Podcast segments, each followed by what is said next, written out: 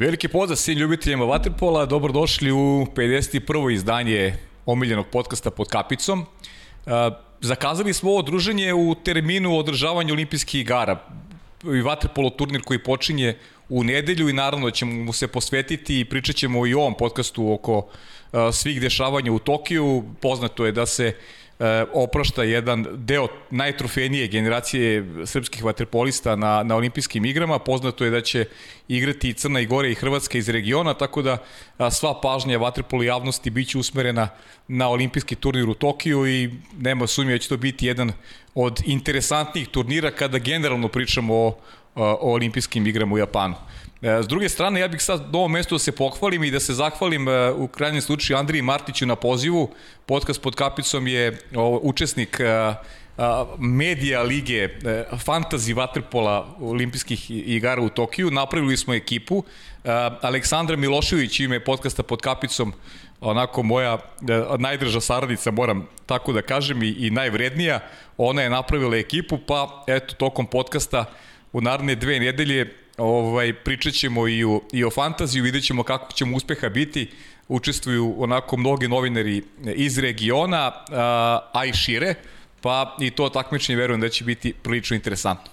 A kada je u pitanju ovo 51. izdanje, e, u gostima imam jednog e, sjajnog vaterpolistu, sada već bivše, koji završio karijeru, e, roditelja, supruga, čoveka koji se bavi trenerskim poslom, čoveka koji je zaista onako iza sebe ostavio mnogo toga kada je, kada je reč o, o, o karijeri, vaterpolo karijeri i mnogo mi je drago što ću imati priliku da eto narednih sat i po do dva da uh, onako napravimo jednu retrospektivu da je njegove karijere. Sa mnom je Đorđe Filipović Đole dobrodošao u studiju na kraju univerzuma i kao i za svakog prethodnog gosta, kako ti se dopada u, u našem univerzumu? Pa prvo, dobar dan i bolje vas našao i hvala na pozivu. Super je ambijent, pravi sportski, e, upotpunjen rekvizitima, tako da delim, delim mišljenje prethodnih e, gostiju koji su se ovde komotno i, i udobno o, osjećali. Nadam se da će, da će vremenu da ti bude e, sve prijatnije sa nama. E, ja sam poslije vreme onako sa sagovornicima volao da, da pričam o nekim aktualnim temama pa da, da onda provrtimo karijeru, a s obzirom da, da si je ti pre mesec, dva dana e, završio, ajmo da krenemo da krenemo od, od samog starta. Kaži mi e, kako je vaterpolo postao deo tvog života, postao deo neke svake, svakodnevnice, generalno tvoj sportski izbor? Pa sad si me vratio dosta unazad. Znam. Par decenija. E, generalno me je sport od uvek zanimao i sportski sam tip, tako da vaterpolo je slučajno pao kao izbor. E, za to postoji interesantna priča e, da je da su roditelji hteli prvo da me upišu na futbal u mhm. školu futbala, Partizanovu školu futbala u Petliće i pre, mama je preko jedne koleginice uh, stupila u kontakt i dobila preporuke da uh, odem na prvi trening i ispričala mi sve kako to tamo izgleda i da se puno uh, putuje i druži i takmiči. I ja sam u prvom momentu bio za to da odem I posle par dana kad je, kad je pitala, dobro, ili idemo, tata je pitao, ili idemo sutra na trening, ja sam došao i rekao, znate šta, ja sam ipak promenio mišljenje, ja ne volim puno da putujem, tako da ne bih da idem u tu školicu futbala jer sam čuo šta ste mi ispričali, tako da ja ipak ne bih da, da krenem na, na, na futbal i u, i u tu školicu. I nakon toga išao sam u preškolsku i na jednom sistematskom pregledu e, su ustanovili blagu skoliozu krivljenje kičme i preporučili su da odem da krenem sa plivanjem, da odem na bazen. I krenuli smo, otišli smo na bazen e, tim povodom najpre i nisam znao da plivam, priznajem, uh -huh. i mhm. otišao sam e, u školu plivanja od sportskog centra Banjica.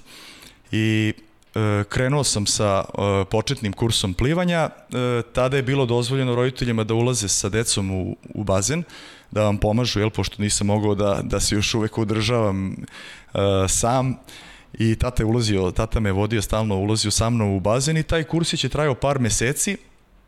I e, kada je došao vreme za, bio je završni ispit ili test ovaj, polaganje, mi smo pre toga neki period je bio da nismo odlazili i ja kad sam otišao, e, trener koga da pomenem, Aćim, e, izvinjavam se, zaboravio sam ime i prezime okay. ovaj, i je rekao, pa kaže ovde je završen kurs, svi su već ispolagali i dobili diplome.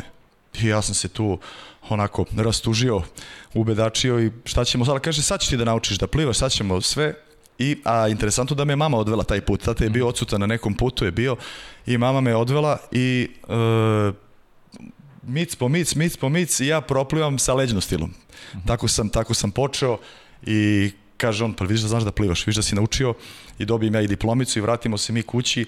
I tako sam da kažem naučio da plivam i mama i dan danas voli da, da, da pecne tatu da mu pomene kako sam u stvari kad me ona odvela naučio da plivam, ali kako pre toga sa tatin trud nije davao o, rezultat. tako sam naučio da plivam i posle toga sam još produžio, znači to je bilo sa nekih šest, šest i po godina, produžio još dva, tri kursa koja su bila, znači ukupno su bila četiri. Ja sad ne mogu se setiti naziva svakog, ali se da je bio jedan, ovaj prvi bio početni, pa posle ne znam trenažni, pa napredni na kraju i to je bilo usavršavanje svih pli, uh, stilova plivačkih. I kad sam to završio, među vremenu sam onako bacio oko na bazenu e, šta se dešava, uh, vaterpolo trening sam video i onako dopalo mi se malo isto uz tatino isto sugerisanje, pa kao vidi, ovo su ti vaterpolisti, ovo je tadašnja generacija bila aktuelna Šoštar, uh, Goran Rađenović, Igor Gočanin, Braća Udovičić, Pele Zimonjić. I onda mi je baš to bilo interesantno, sećam se baš da mi je apostrofirao, vidi Šoštar koliko izađe iz bazena, ne znam, vidimo se jasno kupaće gaće, gaće se ocrtavaju. Mm -hmm. I otprilike uh, indirektno mi predložio da eventualno sledeća stanica bude školica vaterpola. Uh mhm. -huh. I tako je i bilo, tako da sam 91. evo sad sam se tačno setio sa 8 godina uh, upisao školu vaterpola kod legendarnog Mirka Bosanca, nažalost pokojnog, uh, od pre malo manje od godinu dana i uh, tako je sve počelo. Uh mhm. -huh. Što se tiče ko, uh, moje neke uh, povezanosti sa prvo kontakta sa vaterpolom. Ja, e, napravit ću samo jednu, jednu digresiju, ovaj, sad si pričao o plivanju, znaš zašto mi je interesantno, jer uh, s kojim god tvojim kolegom da sam pričao, E, svi su mi govorili, e, Đole, Đole je strašan plivač. E, sad, sad već može, ne, ne, ne možeš kažemo bio, nego mislim u, u vaterpolo bazenu bio, pošto si završio karijeru. Tako da eto... Sad je plivač penzioner. Sad je plivač penzioner, ali vidiš kako ovaj, pamtit te ljudi kao sjajnog plivača. Eto. Pa jeste, to je jedna od osobenosti i karakteristika mojih igračkih, taj, taj plivački deo, da sam bio dobar plivač, mogao sam dugo u kontinuitetu da, da mhm. plivam na, na, na visokom nivou.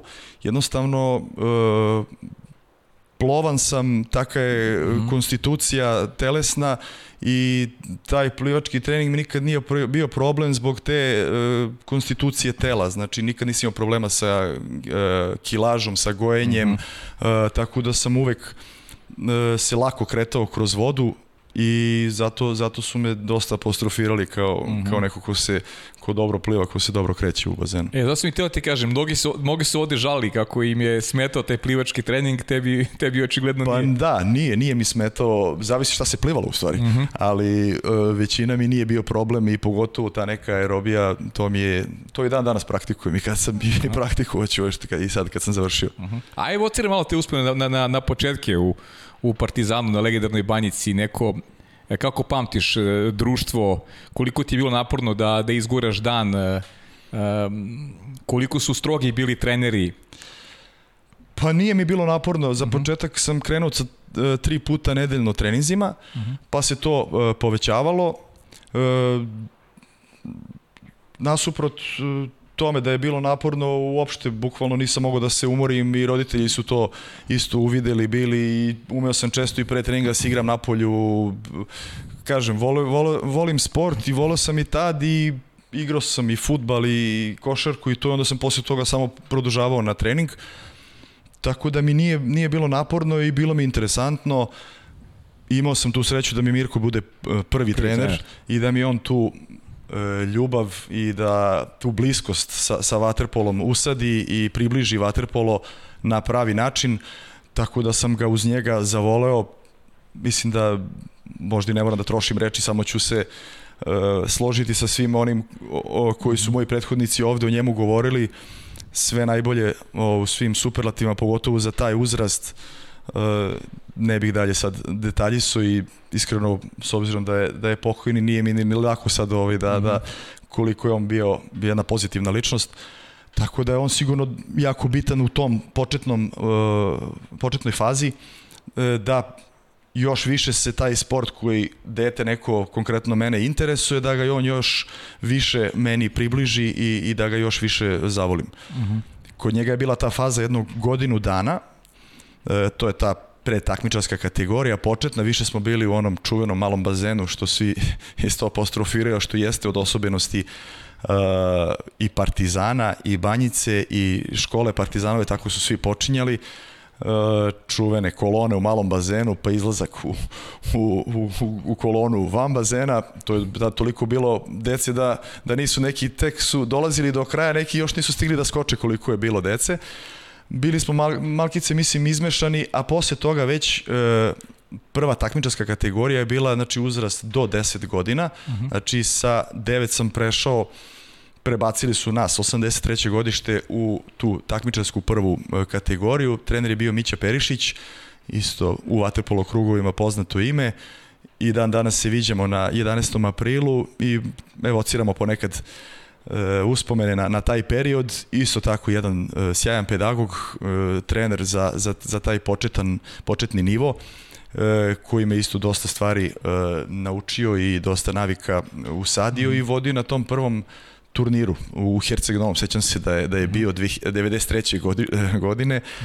u doba onog one inflacije i ono zlo doba koji, koji većina ljudi ne želi da se seća, ali meni je, to, meni je to bio stvarno uh, E, neverovatan doživlja i, i, i događaj, tako da eto, po tome pamtim nekako taj, taj prvi početni period. Da kažem, tamo smo već postali pioniri uh mhm. -huh. do 10 godina, prvo takmičenje, prve utakmice, tako da bila je još Jugoslavija, uh, tako da jako, jako lep period. A, a saigrači u tom periodu, jeste bili skladna grupa, kako, kako ti je, ili ti, ili ti bilo draže to druženje koje si imao na bazenu od onog e, u školi recimo, ili si, si imao tu neku, pravio tu neku razliku, uh, ono šta ti je bilo, ajde da kažem, interesantnijih, gde si se bolje, gde si se bolje uklapao?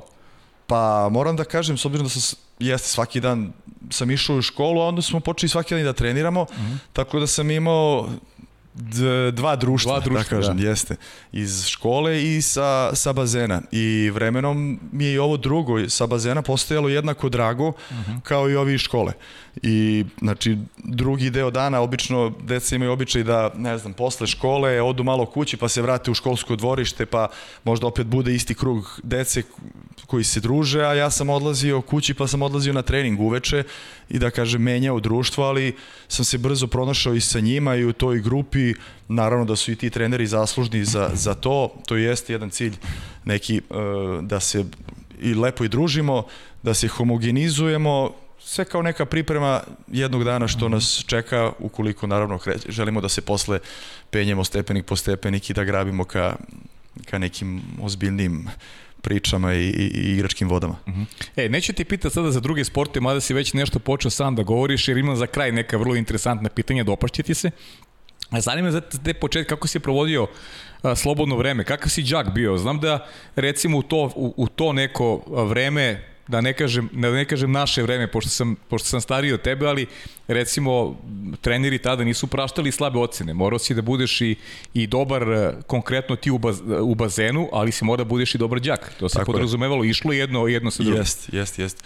Upravo si skroz, e, imali smo obavezu da donosimo na kraju školske godine, pa čak i na polugodištu đačke knjižice na uvid trenerima i onda smo čak i diskutovali o tome ako neko nije imao sve, da kažem, odlične ocene, zbog čega je četvorka iz ovoga ili možda trojka iz onoga. I čak nisu bile ni dozvoljene negde tako niže ocene, mm -hmm. dok ne popraviš e, nećeš dolaziti na treninge, bile su i te vrste uh, obaveza, da ne kažem pretnji, tako da uh, jeste, insistiralo se na tome, sad danas ja kao trener isto, pošto sam trenirao taj, taj, taj ugao me zanima ugao, sad, zato sam insistiram, te to insistiram na tome, tako je, to sam mm -hmm. zadržao i to jeste jako bitno, ali u to vreme je bilo još, još bitnije i bio sam dobar đak, mm -hmm. odličan, nisam imao uvek sve petice, ali sam uvek bio odličan i osnovna i, i gimnazija posle. Da, tako da, ali to je bilo jednostavno obavezno, stvarno mm -hmm. one sa lošim ocenama tren, treneri nisu dozvoljavali, ok, imaš toliko i toliko dana da popraviš ocenu slabu, inače nema treninga mm -hmm. ili nema nastupa na takmičenju. I se dešavalo da, da neko nije uspevao to da uskladi pa da, da zarad toga što imao loše ocene nije ovaj, uh, imao priliku da recimo ne znam putuje negde da da napreduje da ne znam šta šta pa god. Pa nisu baš bili, oni su više to se zadržavalo Peda... na, na pretnjama, da, na na uslovljavanjima, više, da, da, pedagoške mere kako bi isprovocirali da se u tog segmentu Jasne. bude us, uspešan. Mislim da baš toliko uh, uh, surovi i striktni nisu da, da. bili, da. ali ali je sigurno bilo uh, razgovora i, i diskusija na, na tu temu. Uh mhm. -huh. Da. E, Treneri u Partizanu su neizbješni deo svake priče, svih vas koji ste prošli kroz tu školu. Ti si napomenuo uh, Mirka Bosance, ne znam da li želiš da istakneš još nekog ili i ja bih volao da možda ako, ako se setiš neke epizode koju smatraš da je u tom nekom periodu tog odrastanja, sazrevanja uh, bila bitna, vezano je za, vezano je za banjicu. Pa pomenut ću i ostale trenere koji su me mm -hmm. posle trenirali i svako od njih je imao deo dobar uticaja na, na mene. Znači, nakon Mića me je trenirao kratko Srđan Marić, momak čovek sad u zrelim godinama iz mhm. Herceg Novog, možda i manje od godinu dana i onda je tu moju generaciju uzeo Nebojša Mitrić, e, čuveni Mita, koji e, nas je vodio, boga mi, pet godina, od 12. do 17. godine i on je dosta veliki uticaj takođe imao na, na mene. E sad, među vremenu, već od 14. godine sam ja počeo da treniram i sa starijima, E, koje Nena Manojlović je došao sa mesta prvog trenera na, na koordinatora svih mlađih uh mhm. -huh. kategorija i uzeo već to, tu generaciju 81. drugo, ja sam već povremeno i trenirao sa njima. E, jedno kratko vreme pred kraj juniorskog staža me vodio i Dejan Jovović i, i Dejan Udovičić. Uh mhm. -huh. Tako da su to ti neki treneri koji su, koji su uh, me trenirali u mlađim selekcijama uh, Partizana.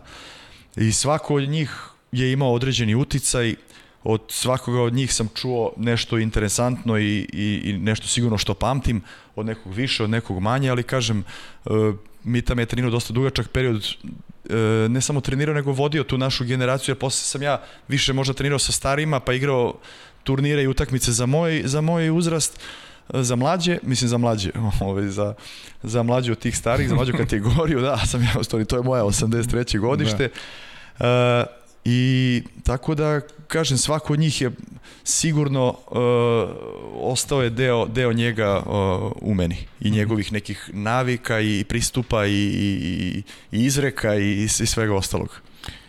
E, pitam svakog, neće ni tebe zaobići to pitanje, Debi je verovatno nešto za prvi tim, nešto što, što pamti svaki, svaki sportista. Da li se ti sećaš Debija učinka u njemu, reakcije sa igrača, e, ko su, ko su ljudi sa kojima si delio bazen u, u, u debiju za prvi tim? Da, pa sećam se naravno, to je bila sezona 98 na 99, gde je uh mhm. -huh. prethodne godine bio fantastičan tim Partizana koji je osvojio Len Kup, uh -huh. gde su bili Vlada Vujasinović, Dejan Savić, Dače Kudinović, uh, Nikola Kuljača, Brista Maljković i onda se uh, dobar deo te ekipe uh, osuo i prvi tim je sledeće godine popunjen sa par nas 82. treće godište, e, gde su bili e, Vanju Dovičić, Žile Gocić, e, Dejan Milaković, Boba Nikić, Darko Golubović, sad, uglavnom nas petorica, tako je. Uh mhm. -huh.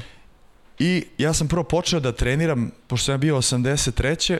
E, takođe priključen, e, možda malo za nijansu kasnije od njih, da treniram samo i pošto je Liga nešto počinjala kasnije, recimo decembar ili januar je bio, bio jedan prijateljski turnir još u novembru na, na Banjici i tu sam odigrao prvu, vajde da kažemo, zvaničnu utakmicu gde su, mislim, bile većina prvoligaških ekipa u to vreme.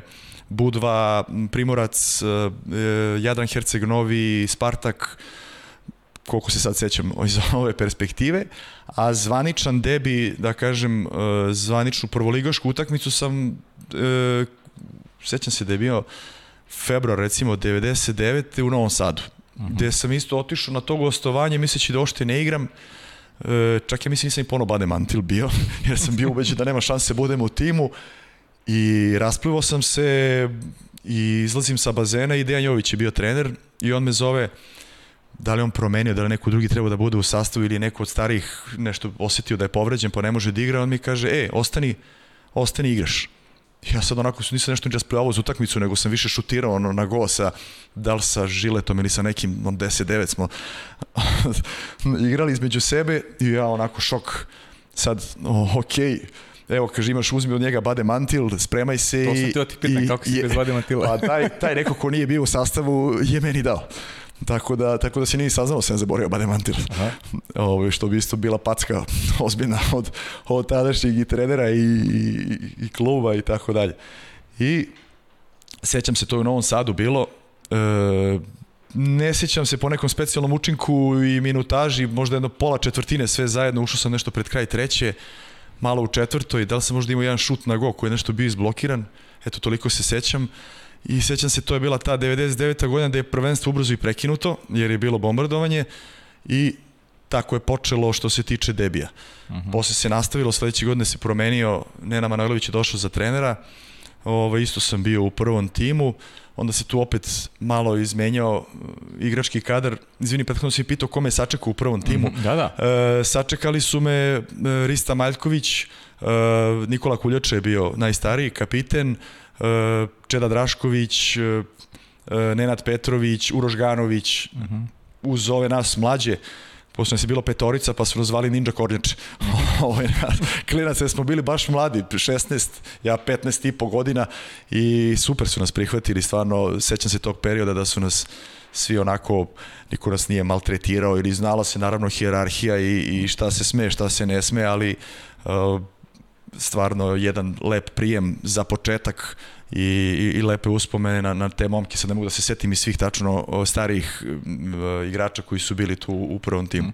Jel znaš sa 15 i po godina da je, da je Waterpolo tvoj poziv? Ili imaš svest o tome uopšte da... Pa tad sam imao. Tad imao sam imao da već hoću da, da, da, i ja sam toliko na svaki trening išao sa, sa željom i, sa, i kad nisam morao pre podne da dolazim, ja sam išao, išao sam u sportsku gimnaziju pa sam mogao da, da mhm. kombinujem, ali tad sam već znao da i imao toliku želju da i iskreno bila mi je velika i čast da treniram sa starijima i ja se sećam kad sam trenirao prvi trening sa njima, pa ne znam, dao sam kuljači go, pa sam došao kući srećan, presrećan, hvalio se roditeljima, tako da e, mnogo mi je to imponovalo i, i mnogo mi je davalo elana za, za već nešto što sam, što sam želeo. I tako da sam video već sebe u, u nekim ozbiljnim posle pričama, jer sam i pre toga već ozbiljno trenirao, mislim, i, ali želja nikada nije, nikada me nije napuštala, nikada nije manjkala. Da, fascinante su mi vaše priče, vi stvarno ste vi vaterpolisti, ovaj, specijalno kova, ovaj,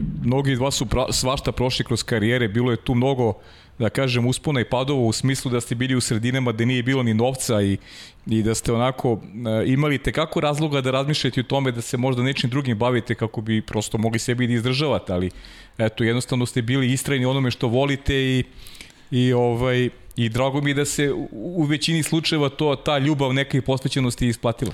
Pa sigurno, mislim drago mi je da ti pošto nas poznaješ i bliže imaš tako mišljenje o nama, ali generalno mislim da je to dosta individualno. Mm. Tako je, uz, jeste naš sport sa dosta problema i, i, i, o, i ovakvih i onakvih, ali sve je individualno do, do ličnosti. Ima neki koji su i odustajali, ali ko želi da, da, da se posveti tome i, da, i ko se stvarno da do kraja i ko ima pošten pristup, sigurno će i ostvariti ono, vratit će mu se svakako jednog dana. Da, da jedna od ideja ove emisije je da, da kroz te vaše priče ovaj, ljudi gledaju i da da ne dozvole više da se uopšte ovaj vaterpolo kao sport pati nego nego da ima dobre uslove u kontinuitetu i da i da momci koji vole taj sport imaju onako dobre uslove za razvijanje da ne moraju da prolaze kroz turbulentne faze kroz koje ste prolazile konkretno tvoja generacija recimo pa pa, pa jeste drugi, da. bilo je bilo je svakakvih da e, godina perioda e, sad što se tiče samih uslova oni isto variraju ma koliko te 90. godine bile turbulentne i zle, opet su uslovi bili koliko toliko pristojni Absurd je da se čak desilo to da evo poslednjih godina je Partizan imao gore uslove na primer za trening, jako da, je to jest. sad 30 godina kasnije nego tad pre 20 i kusur godina, tako da ne znam, e, jeste bilo nezgodno sa ove strane, neke društveno-socijalne, svakako događanja su bila i to, a opet problema ima i pojavljuju se čak i on, oni za koje, bi, za koje se negde smatraju da, da, da su prevaziđeni odavno i koji ne bi trebalo da se, mm -hmm. koji mhm. predstavljaju neki minimum uh, uh, koji ne bi trebalo da se, da se, da se, da se dešava. Mm -hmm. a, a pričali smo uspunije padaju, malo da se, da se vratimo, 14 godina si provio u Partizanu, ajmo da, da, da se posetimo na, na uh, možda najtežih momenta u klubu, kad pričamo o rezultatima, da li postoji neki poraz, neki događaj koji ti je onako posebno teško pao? Pa, teško mi je palo u sezoni 2002-2003 na kraju sezone, uh mhm. -huh. kad je klub usled finansijskih problema i nagomilavanja nekih dugova od ranije, e, morao da preseče i da tu generaciju i tu grupu dečaka, no dečaka, već momaka, no. Da. većinom i ljudi odraslih da e, jednostavno im da odrešene ruke da napuste klub i te godine 2003. su iz kluba otišli i Žile Gocić, i Vanja Udovičić, i Boba Nikić, i Slavko Gak, i Milan Tičić, i koji smo godinu dana pre toga osvojili duplu krunu i to je bilo neko jezgro te ekipe uh, koja je stvarno lepo krenula i trebalo i da nastavi sigurno dominaciju tih godina, ali već sledeće godine su isplivali ti neki problemi, uh, Uh, ok, i konkurenti su se javili, Jadran Herceg Novi se podizao uh, tih godina, ali uh, mislim da uh, bez tih problema da bi mi nastavili neku dominaciju i samo bi se pojačavali i dizali na još veći nivo.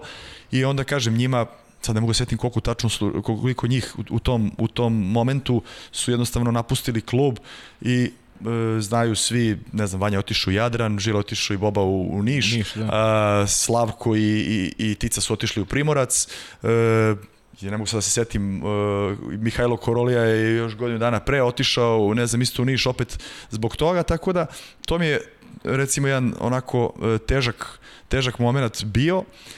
Međutim, veličina Partizana, tad sam video, je e, bila u tome da se to već naredne godine nekako jako brzo nadomestilo. E, naravno, mi smo, nismo imali isti rezultat, ali smo bili ne znam, četvrti u prvenstvu, ali došla nova generacija, to hoću da, da apostrofiram, znači veličina i, i značaj te škole, došli su novi uh, igrači, vojnici, uh, znači to je ova generacija 86. 7. neki 85. i rezultat nije puno odstupao, nije puno falio, mi smo čak napravili senzaciju, ušli u Ligu šampiona, izbacili, ne znam, Barcelonu, sa imenima, mislim da je Felipe u jednoj emisiji, od prethodnih emisija to mm -hmm. pominjao, Ivan Perez, igrali sa Vašašom koji je bio mađarska reprezentacija u malom Kašaš, Braća Štajmenc, Madaraš, igrali Egal, bukvalno na banjici na produžetke, izgubili njih. Znači, bukvalno nastavio se e, taj e, kult i trend Partizana da se ekipa menja, a rezultat manje više ne trpi, mhm. iako smo bili mnogo, mnogo mladi i mnogo neiskusni. Znači, ja sam sa 20 bio drugi po bio Miloš Korolija, mm -hmm. kapiten najstariji, posle njega Gojko Pjetlović i ja, Marko Ćuk, i to je to ostalo sve uh, ptići od, što Igor voli da kaže, od 16-17 godina. Mm -hmm. Igor je bio sportski direktor, a Šošter je bio uh, predsednik kluba. Tako da Dejan je Udovičić bio trener i to mi je, na ovu priču sam sad se malo uh, nadovezao, šta me je prethodno pogodilo u prvom momentu i preko leta sam stvarno bio razočaran, a posle toga jednostavno to je sport, sve ide dalje. Mi smo naravno ostali u kontaktu, ti momci s kojima sam ja proveo u mlađim selekcijama najviše generacijski najduže, oni su otišli svojim putovima karijere, opet je došla neka druga i to je jednostavno ta veličina Partizana, produkcija, produkcija, produkcija, koje, koje mislim, posle možemo da to apostrofiramo, ta, taj mhm. Partizan i tu školu, ovo, eto, na jednom, na jednom primjeru. A da li si mi u ovom odgovoru e, šta ti najteže palo onako kasnim izlaganju rekao i šta ti je najlepše bilo, ta dupla kruna i, pa i da, to igranje u ligi, dana i to igranje u ligi toga, šampiona. Jeste, jeste, igr, uh, dupla kruna, pogotovo prvi trofej u Nišu, Kupa, uh mhm. -huh. gde je bio Final Four u Nišu i gde je bila fantastična atmosfera. Mi smo igrali, sećam se, polufinale s Jadanom, koji nam je bio glavni konkurent uh mhm. -huh. tih godina i dobili ih u jednoj tvrdoj utakmici i onda je finale već bila blaga formalnost sa Bečijom koji je nažalost bio na izdisaju, ali još uvek postojao. Uh mhm. -huh ali je bila fantastična atmosfera. Ja, kažem, uvek sam volio da igram u Nišu dok sam igrao u Partizanu, jer je dolazilo puno grobara i puno navijača i u, tih godina ovi ostali sportovi nisu bili toliko uh, ne popularni nego nisu do, nije dolazio Partizan u ostalim sportovima i onda su oni jedva čekali priliku da dođe Partizan u bilo kom sportu i nevezano mi kad smo igrali protiv Niša ako smo bilo, bili puno kvalitetniji navijači su dolazili i bodrili nas i pravili fantastičnu atmosferu i sećam se i to finale sam isto super odigrao i onda posle toga prvi trofej onako euforija e onda je sve ono što smo pričali do sad došlo ovaj, satisfakcija i, i, i na naplatu, ali ne materijalno, nego, da, da, nego u nekom drugom vidu zadovoljstva. I, i to i posle toga dupla uh, titula na kraju te sezone uh, ne znam da li to neko pomenio u tvojoj emisiji da smo mi prvu utakmicu u finalu play-offa isto protiv Jadana Herceg Novog dobili 7-0 na našem bazenu. Mislim da jeste, ali... Da, da. To možda, možda je Kuki pom, ja. pomenio, pošto nije primio gol ni jedan. O, mislim da je da, on sigurno, da, da, on je sigurno. Da, da, iako nije branio sve četiri četvrtine, da. ali je, ali je ovaj stvarno... Prisvojio je sebi da on nije primio. Nije. Ne, nije, nije. Mislim da je baš i rekao da je on branio tri četvrtine, a da je posle ušao Nemanja Marijan, Aha. isto poznato Waterpolo ove lice i da, da su stvarno do kraja nismo primili gol. Kad budem zvao Nemanju baš din kako će on da mi ispriča tu priču. Ovdje. Da, neko oni ispričaju bolje, ali je, evo ja sad da, da ni Kuki to ispričao, ja se ne bi ni setio, ja sam mislio da on branio celo. Ove, mm -hmm. ali ali ušli Nemanja, ali smo stvarno mi igrali tu odbranu neverovatno i tu prvu utakmicu dobili stvarno, ja ne pamtim da li, da li je bio takav rezultat negde, posle smo drugu dobili uz mnogo više muke dole u Herceg Nomal, eto to je zaokružili stvarno tu mm -hmm. fantastičnu sezonu. Igrali smo dobro i sećam se te godine Evropu i naleteli u Len Kupu u polufinalu na Pro Reko, gde su bili Vlada, Dača, Benedek, pokojni Roljan Strašna i da smo ekipa, da. i da je to bila u stvari jedna fantastična škola. O, smo dobili dobili packu jednu tamo u Đenovi, izgubili smo ja mislim da je bio rezultat 9-2 recimo, a pre toga smo onako u domaćem prvenstvu dobijali sve i u Evropi onako dosta uh, lako sve prošli uh, stanice dotle i onda je to bilo onako ono bolno spuštanje na zemlju i jedna dobra ovaj, škola od u to vreme superstarova svetskih. E, kaži mi, te, pričao si o tim starijim igračima koji su bili u, u klubu i si imao idola nekog i si gledao nekog onako, da li si se ugledao na nekog posebno iz te starije generacije, bilo je zaista tu jakih, ovako jakih imena ličnosti Da, pa bilo je, bilo je puno jakih igrača. Jesam kao klinac mm -hmm. uh, sam se ugledao i bio mi idol Petar Trbović. A, Petar I zato Trbović, sam i, i počeo mm -hmm. da nosim dvojku koja mi je ostala Aha. u većem delu karijere. Petar mi je nekako uvijek bio uh, uzor uh, njegove potezi, kretnje u bazenu, mm -hmm. uh, elegancija, taj minimum utroška energije, to me fasciniralo kod, kod njega. Uh, I eto, on mi je bio jedan od, od, od uh, idola, da kažem, kad sam počinio, jer on je igrao, ja još uvijek nisam zaigrao za prvi tim, ali sam naravno gledao sve utakmice, gledao i treninge i, i stvarno je bila privilegija, ne samo on, bio je to vreme i Dejan Savić, uh, bio je Pele Zimonjić, bio je, ma, mislim nekoga ću sad tu uh, zapostaviti i, i neću ga pomenuti pa da, da ne bude, ali E sad, posle kad sam igrao, kad sam krenuo da igram, uh, stvarno je uh, Kuljaču volim da, da, da apostrofiram kao isto bitnog faktora, kao mhm. kapitena, kao najstarijeg u ekipi koji je stvarno bio naš vođa te generacije kad smo, kad smo bili onako svi dosta mlađi od, njega. I, i e, nakon toga je došao isto Jugoslav o, jedne sezone, mm -hmm. tako da sam imao ovako i, i u bazenu i van bazena na koga da se, da se ugledam i da, da, da, da, da kupim ovaj, što igrački, što e, životne, životne iskustva. Mm -hmm. Aj pre nego što pređemo na, na, na taj deo, ovaj, na španski deo priče, da čujemo prvo video pitanje.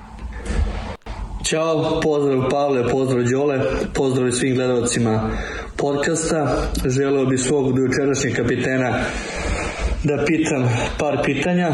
Prvo pitanje je koja mu je najdrža sezona i najdrži trofej u svojoj dugoj i velikoj karijeri. Drugo pitanje se odnosi, pošto znam da je e, uporedo sa zadnjom njegovom igračkom karijerom bavio se i trenerskim poslom, pa je to pitanje vezano za trenerski posao. E, da li sebe vidi jednog dana kao trenera prve ekipe ili će biti usredsređen za rad sa mlađim kategorijama? I ovom prilikom bih želeo još jednom sve da vas pozdravim i Đole gledamo se na bazenu, hali ili stadionu da bodrimo naš tim o kojem smo dosta puta pričali u toku dok smo bili zajedno. Pozdrav svima, ćao! Pozdrav za Dimitra Ističevića, hvala na uključenju i naravno dogovorili smo se ka poči sezona i Dimitrije će biti gost našeg podcasta, naravno. E, hvala Dimetu na, na, na pozdravima i na ovim pitanjima. Pa prvo pitanje, e, najdrža sezona i najdrži trofej, pa to je ovo što smo mhm. bili u, u, u Partizanu, ta uh -huh. 2000, 2001 na 2002, kad smo osvojili duplu krunu i već sam ti rekao ko je možda nešto je prvi trofej, ali sigurno, uh, ajde ne kažem najdrži, ali jedan od najdržih taj kup. Uh, drugo pitanje jeste, pošto sam uh, svež trener, da li imam ambicije da se da budem jednog dana trener prvog tima? Da, uh -huh. uh, svakako. Uh, ali s obzirom da sam tek na početku, uh, počinjem nešto skroz drugačije od ovoga čime sam se uh, do sada bavio uh, i počinjem tek da učim i da se profilišem, pa ambicije su da budem, da treniram prvi tim, ali nikad se ne zna e, da li, će, da li ću se u toj profesiji iskristalisati kao stručnjak za mlađe kategorije ili za e, jednako uspešnog trenera prvog tima, to će već vreme e, pokazati, ali sigurno da mi je namera da, da treniram prvi tim jednog dana. Uh mhm. -huh. Dobro, pričat ćemo još naravno pri kraju o, o tvom novom e, pozivu. E, idemo u Španiju, poslije te 2005. godine ti se seliš u Španiju, e, Saragosa, da. otkud tamo, ko da. te je zvao? Pa, jedan uvod pre, te, pre tog odlaska Može. bila ta sezona u Partizanu 2004 i 2005 mm. gde su došli Jugoslav, Denis Šefik i gde je već polako ta ekipa koja se promenila uh, još malo isto pojačana uh, sa starima, vratio se ne znam Luka Mirković, Mihajlo Korolija, Miloš i da ja smo bili tu, Gojko i ovi mlađi već su se podizali polako, Fića, Avra, uh, ajde da kažem, da ne bude po nadimcima, Marko Avramović, uh, Milan Aleksić, uh, Voja Čupić, I uh, igrali, smo, igrali smo te sezone uh, tri finala i kad si me pitao šta je razočarenje, jedno od mhm. razočarenja što makar jedan trofej nije završio ovaj, uh, u, našim, u našim rukama. Uh, izgubili smo sva tri finala u domaćoj konkurenciji od Jadrana, oba finala u Len Kup od, od Savone. Uh, I nakon te sezone sam, da, odlučio da idem zašto sam odlučio? Pa to su bile sad iz ove perspektive neke uh, bubice, neki hir, neki bunt, ovaj, neko nezadovoljstvo uh, moje i prelomio sam i rešio da jednostavno karijera krene u drugom pravcu i da krenem da se dokazujem negde u, u inostranstvu daleko od, od, od javnosti. Zašto Španija? I zašto pa, bunt, ajde prvo? pa bio sam nezadovoljan, to su sad ove neki, kažem, mladalačke bubice Aha. sad iz ove perspektive i sa ovom glavom sigurno ne bih tako, tako je, razmišljao. Okay. Tako je, neko e, mimo ilaženje tad i sa, -huh. sa, sa trenerom, sa upravom i tako dalje. I ovaj odlučio sam da jednostavno krene karijera u drugom u drugom smeru. Uh, ne bih savjetovao tak, današnjim mladim igračima da, da, da, da tako ovaj, postupaju u smislu da se tako ponašaju prethodno, uh. -huh. a posle već zavisi, došla je, došla je ponuda iz, iz prva iz Španije, da, finansijski jako dobra i jednostavno m, hteo sam da odem i negde da se dokažem Bila je isto i, i iz uh, Italije jedna ponuda, baš sećam se Goran Rađenović je bio trener Kamolja, pa me on zvao tamo.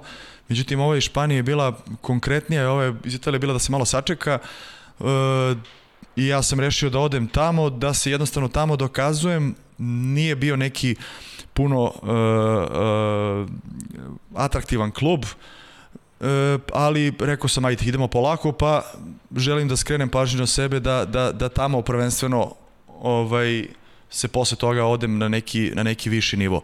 Hmm. Nije bio atraktivan klub u smislu, nije igrao Evropu, neka sredina tabele pa, pa naniže. -huh. e, grad Saragosa, peti grad u Španiji, lep grad, sportski grad, e, nije na moru kao što svi misle da je neka da. asocijacija da. na, na Španiju, onako neki severoistok recimo, više istok ovamo, tačno na pola puta između Barcelone i Madrida. E, i jedno lepo iskustvo za, za, za nekoga ko je tek otišao uh, uh, iz prvi put od kuće, iz rodnog grada. Lepo su me svi tamo primili, uh, počeo sam i španski intenzivno odmah da učim jer sam video da sa bilo kojim drugim jezikom ne mogu da funkcionišem, ne mogu da se snađem. I nije mi to bilo puno teško, onda ga i lakše i brže naučim. Sećam se da sam delio stan sa, sa jednim momkom iz ekipe uh, i onda mi uz njega bilo lakše, on mi je bio otprilike kao, kao profesor uh, mm -hmm. i španskog, a i trener nije pričao nijedan drugi jezik osim španskog, tako da sam bio prinuđen, ali kažem, sviđa mi se i jezik i nije mi bilo teško da, da, da, da ga naučim. Mm.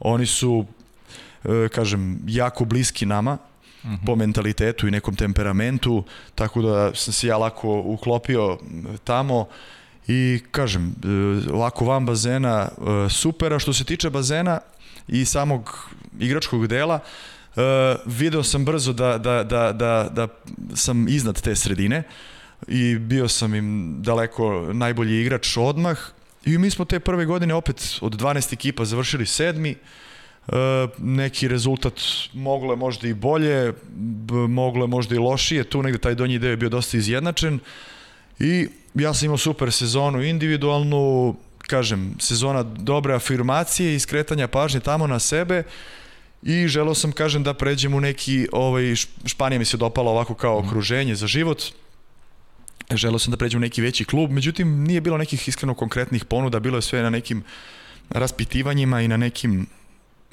pričama u, u, u mogućnosti realizacije, ali ništa konkretno, dok su ovi iz kluba bili super zadovoljni i odmah mi ponudili da, da, da ostanem još dve godine, jer su mhm. imali neki mini projekat 2008. E, se finalni turnir kupa održavao tamo u Saragosi i bio jedan veliki sajam Expo u celom gradu, pa su i kroz to gledali da se promoviše i klub i sport i onda, mi, i onda sam zato potpisao na dve godine, uslovi su isto bili dobri, a i generalno sam se već navikao na okruženje i hteo sam da ostanem tamo što mi je prijalo i onda sam zato produžio tamo na, na još dve sezone, gde je sledeća bila opet slična prvoj, samo smo imali još bolju ekipu, ali već rezultat onako je trebao da bude bolji, ali nije.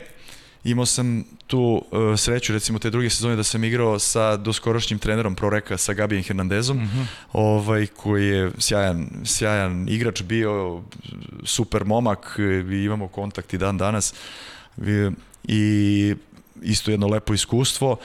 Kažem, možda su rezultati bili slabiji nego, nego što smo mogli, dok bi je treća godina bila onako dosta haotična, uh, već je tu došlo do neke svađe, dosta igrača je otišlo, nije se nalazilo na istim talasnim dužinama s trenerom, Uh, neki lokalni igrači su kao recimo kapiten prešli u drugi klub koji igrao koji postoji drugi klub u gradu koji je uh, igrao drugu ligu i uh, onda su nisu hteli da igraju i onda jedna onako teška sezona na kraju smo čak igrali play-out ovaj, jedva se spasli da ne ispadnemo i onda sam već video da, da generalno taj nivo waterpola za neko ko ima 25 godina uh, mi ne prija i da moram da, da hteo sam da ostanem u Španiji, ali opet nije bilo nekih ponuda jer tamo je situacija onako i finansijska svake godine bila sve slabije i slabija, klubovi su bili na nekom nivou bez neke tendencije, intencije da se nešto puno dižu osim Barcelonete. I ovo ostalo je sve bilo nešto onako na nekom nivou E, ne mogu kažem osrednjem, radilo se, ali mhm. nisu dovodili super strance, pogotovo s ovog e, podneblja, da bi se to još dizalo. Mm -hmm. Tako da, e, eto, završila se ta sezona, ja sam već znao da, da, da moram nešto da promenim, da bi se vratio na, daleko sam bio isto od očiju javnosti, generalno vaterpolo. To sam teo ti pitam, da. sad, iz, sad iz ove perspektive, kako gledaš na taj period u Saragosi, uh, da li misliš da, da li, da li, osjećaš, da li si tad osjećao da napreduješ u vatepolo smislu i koliko ti je odmoglo u karijeri upravo to što si sada rekao, što nisi bio po svetlima reflektora? Pa nisam bio te tri godine konkretno. Da. Te tri godine, da. Pa ne znam, iz ove perspektive sigurno je možda bilo bolje da sam negde bio gde bi mogao da budem uh, više na radaru uh, mm -hmm. tadašnje struke i stručnog e, štaba reprezentacija, odnosno seniorski, ja sam već prerasto bio juniorski, juniorski staž, ali opet s druge strane, realno u to vreme e, je bila ova naša fenomenalna generacija e, sa Vladom, Acom, Denisom, e, Dačom, Viktorom i tako dalje i otprilike nije bilo prilaza, bili smo zajedno sa Crnom Gorom, isto u tom Jeste. momentu, da je isto još grupa igrača iz Crne Gore bila jednako, jednako fantastična kao i ovi, tako da realno meni nije bilo mesta tu što je bilo i objektivno, tako da iz te strane sam malo i tako to gledao u tom momentu i rekao nema veze, znam da sigurno, jer sam i pre toga bio par puta na, na pripremama, nema veze, idem tamo, dobri su uslovi, ajde da se afirmišem pa ćemo, pa ćemo videti. Hmm. Tako da e, možda bih više profitirao da sam ostao konkretno i u Partizanu ili na nekom tako ovaj, višem nivou o, u drugoj nekoj evropskoj zemlji, ali eto, odabrao sam tako i kažem, ne kajem se jednostavno stojim iza toga i idemo dalje. Ok, a, aj malo ću još da te zadržim u, u Saragosi. Ovaj, malo mi pričaš o tom nekom, mora malo bude Marina, znaš, nema je fizički, ali mora malo ta njena pitanja da eksploatišem. Ona ti je poslala pitanje. Po, da, poslane pitanje, da. Ovaj, kakav je život u Saragosi? Ovaj, gde si provodio vreme, provodio vreme? Ili bilo naših tamo još ljudi ili iz regiona? I naravno, ono što je neizbježno, Saragosa je sportski grad. Futbol, košaka, onako nekako sastavni deo. Pa život generalno u celoj Španiji je lagodan i lepo mm -hmm. se živi. I osjetiš odmah tu neku njihovu opuštenost, lagodnost, oni su u fazonu sve što, što, što moram danas to ostavljam za sutra, možda i preksutra. Tako da ako ti nešto treba, moraš odmah da ih povučeš za ruku da bi ti završio, inače sve manjana i, i lagano ćemo. Lagan, sutra, o, da. Ta, tako si živi, opušteno, kažem, vedrog su temperamenta, duha. Ja mislim da to, čak to ima veze i sa položajem zemlje, Iberijsko poluostrvo, Iako nisam bio na moru, ima dosta sunčanih dana, zima je, nije kao kod nas kontinentalna klima, nego je mnogo blaža. Uh -huh. i onda su svi vedri nasmejani, sviće kasnije, a i pada mrak kasnije i onda je duže traje dan i onda im se sve pomereno, onda sve počinje kasnije, tako da i navikneš se i na to brzo, ustaješ recimo, ne znam, trening je prepodnevni bio u 12, i to u 12 teretana. Ustajem u pola 11, ono, lagani doručak, kafica pre toga, špancima kada daš trening pre 12, to je kao da si im dao u pola 8 ujutru, bukvalno svi dolaze, zevaju, polu nenaspavani, a opet i uveče večera tek tamo 10, 11, ide se kasnije da se spava, Tako da to je što se tiče nekih osobenosti života. E, momci su bili svi tu negde mojih godina. Bio jedino opet stariji dosta od nas e, golman reprezentativac e, Angel Andreo. Uh -huh. U, i, ali smo se super družili, oni su stvarno druželji, druželjubivi. Non stop su za neki izlazak, za neku akciju. Sportski je grad i bilo je naših ljudi i sportista. Baš ta porodica, rukometni trener Veroljub Kosovac je bila tamo i moram da kažem da su oni bili kao, kao druga kuća, njegova porodica i, i supruga i, i deca s kojima sam se družio su mi bili kao, kao druga familija ovaj, dok sam bio od kuće. E, naš proslavljeni čuveni trener Ranko Žeravica je posle svoje, u stvari ne, još i, i radio, ali je odabrao da mu Saragosa bude drugi dom o, o, ovaj, pored Beograda i čak i njegova supruga Zaga koju želim ovom prilikom da pozdravim je radila tamo kao trener on je prvo tre, bio trener muške ekipe, ona radila nakon njega trener ženske ekipe i sa njegovim uh, mlađim sinom Duletom i dan danas imam uh, kontakt, tako da sam se sa njim družio. Bilo je par naših rukometaša isto s kojima sam se družio, uh, baš reprezentativci Ivan Stanković, Marko Krivokapić, tako da smo provodili vreme zajedničko, onako naši ljudi van, van naše zemlje se brzo, brzo se pronađu i, i, i druže se, tako da nije, nije to ništa, ništa novo. A sportski je grad, da, bilo je, bio je futbal jako aktualan u tom, u tom periodu, išao sam na, na, na futbalske utakmice, isto naši sportisti su pre uh, ostavili dubog trag tamo, Radomir Antić, Savo Milošević, koji još beše bio igrač u futbolskom klubu, sad ne mogu da se setim. Uglavnom, sportski grad i e, bilo naših ljudi, tako da mi to, ta neka nostalgija možda mi je uz njih bila manja i imali smo o čemu da pričamo, da se viđamo često i tako, pratili smo jedni druge na utakmicama, kažem, pratim sport pa sam često išao na te rukometne utakmice sa sa Kosom često gledao zajedno s njim snimke i tako dalje, komentarisali, a da ne govorim isto što oni Španci realno vole futbal, to uveče kad se kad se nađemo na večeri, to se obavezno prati, jer su termini bili tad La Lige u 10, koji sad u stvari u 10 uveče. Uveč, pa da. Jeste, jeste. I onda se u stvari posle toga se ide na večeru, tako da, tako da ovo je aperitiv dok je futbala, posle toga se večera. kako, kako španci funkcionišu. E, pa da, lepo si rekao, slični su nam. Da, da, da. A, iz Saragose, Crna Gora, Da. ideš u Kataro, jedan novi klub, ideš u period kada je Crnogorska liga, pa verovatno bilo i najjače u Evropi u to vreme, to je zaista Jeste. onako bio sajam vrhunskih igrača, evo gledamo i, i neke slike, ne znam da li možda se prepoznaš ovaj. Da. Ja E, mogu, ne znam da li drugi mogu da me prepoznaju. Da. A u, u, u tom periodu Gojko beše branio tako, osvojili ste, osvojili ste kup plen, recimo to je to je najveće dostignuće. Pa jeste, moram da istaknem da je Gojko jedan od najzaslužnijih što sam ja tamo i završio. Pa kad sam završio tu sezonu nešto ranije, ja sam ovde trenirao sa Partizanom i Gojko je još uvek bio u Partizanu, ali je odlazio iz kluba i on se prvi dogovorio bio sa Katarom.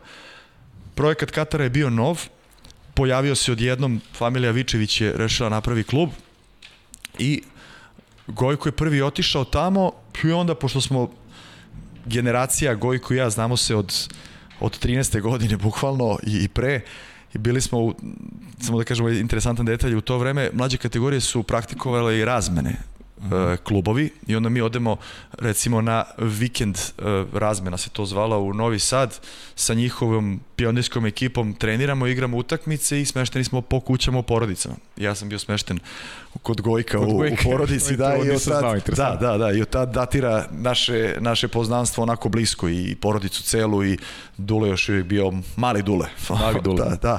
I, uh, I on je otišao prvi u Kataro i uh, rekao mi je, ovi traže igrače, ne znam, na levoj strani, jer si ti možda zainteresovan više i onda je u tom momentu, pošto sam ti već rekao, sam znao da mi treba i jači klub i jača zemlja i sve ostalo.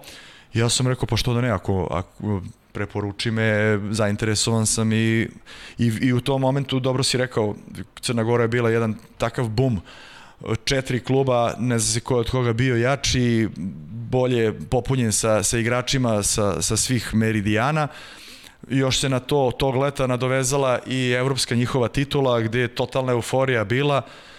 Tako da u tom momentu je stvarno bilo bio, bio prestiž otići tamo i, i igrati igrati u Crnogorskoj ligi, da. Mm.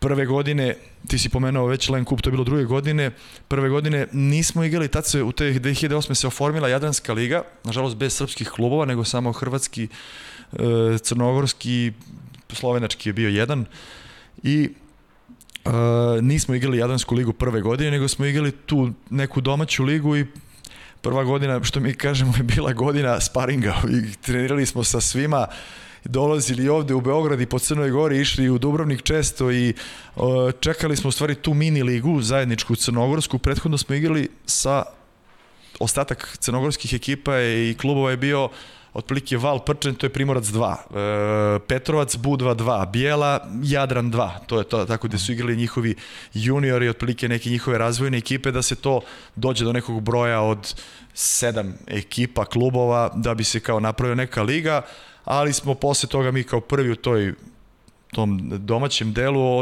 otišli u mini ligu i sačekali ove tri ekipe Jadran, Budvo i Primorac gde smo se tad već prve godine nosili dobro sa, sa, sa, sa svima njima i čak i završili pre Budve, nju smo dobili dva puta, iskoristili neki njihov loš period pred kraj sezone jer se igrala mini liga pa se računali bodovi i završili smo treći.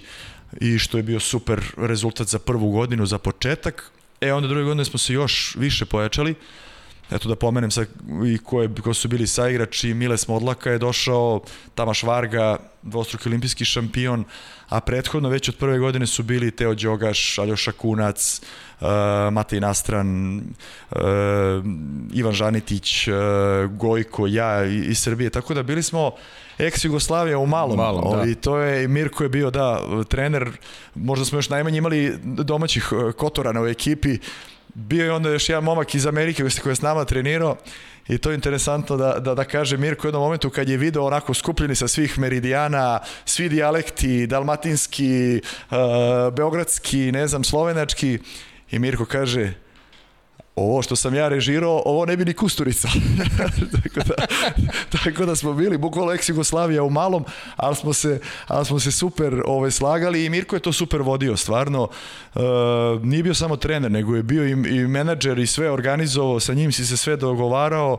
Uz njega su bili i brat, Željko mu je bio pomoćni, da. posle se druge godine pridružio i Veljo Skoković koji je bio tu s nama na klupi, a i Mirkov otac Pavle i Sloba Vičević stric, tako da jedna vaterpolo, poznata vaterpolo yes. familija i ovaj, stvarno e, drugi godine smo igrali Jadransku ligu, koja je stvarno bila jaka, meni krivo što u tom periodu nisu igrali još srpski klubovi, da su bili Partizani Vojvodina, da bi stvarno to sigurno bila, u, i tad je bila najjača liga u Evropi, e, gde, gde bilo je 13 klubova, I, i mi smo igrali Evropu i, i, i kažem, M4 Crnogorska jaka, pa Hrvatskih je bilo 2 do 3 super jaka i ostalih gde si lagano gubio bodove kad odeš u, u Split, u Šibenik, u, sećam si, Kopar je ta druge godine napravio dobru ekipu gde smo se isto tamo mučili Tako da e, Zagreb, Medvešćak isto, tako da e, mi smo se nekako te druge godine preorientisali na, na Len Kup, da to guramo, guramo do kraja i uspeli smo stvarno e, uz splet naravno i sretnih okolnosti, sve to što prati da, da osvojimo taj taj, taj trofej koji je bio stvarno značajan i, i, i meni isto posebno, znači jedan ono što smo pričali ranije, povratak na veliku scenu ponovo. Uz veliki trofej. Uz veliki trofej i, i moju fantastičnu partiju u finalu, znači sve se ono poklopilo, ono baš trofej po, po guštu, što bi rekli, da. Ove, ovaj, i, I drago mi je, kažem, da sam onda opet se vratio na mapu, pokazao i drugima da, da, da jesam bio van, ali nisam zaboravio da, da igram. Dobro, mi dotaći ćemo se još jed, ovaj, te tvoje fantastične partije, pošto si skroma, nećeš da govoriš o tome, ali, ali e, neko će te inspirisati da, da nešto kažeš i o tome. Nisi napustio Crnu Goru, e, ostao si posle Katara, projekat koji se, eto, nažalost, završio e, da. ranije. Ti si ostao u Crnoj Gori, igrao si za Jadran u sezoni 2010-2011. Da. Pa posle osvajanja tog Glen Kupa, e, klub je naravno, što si ti rekao, te moje dobre partije, klub je naravno hteo da ostanem i mi smo bili jako blizo da se dogovorimo da već smo nešto se preliminarno otprilike i, i, i našli oko nekog dogovora za, za narednu sezonu.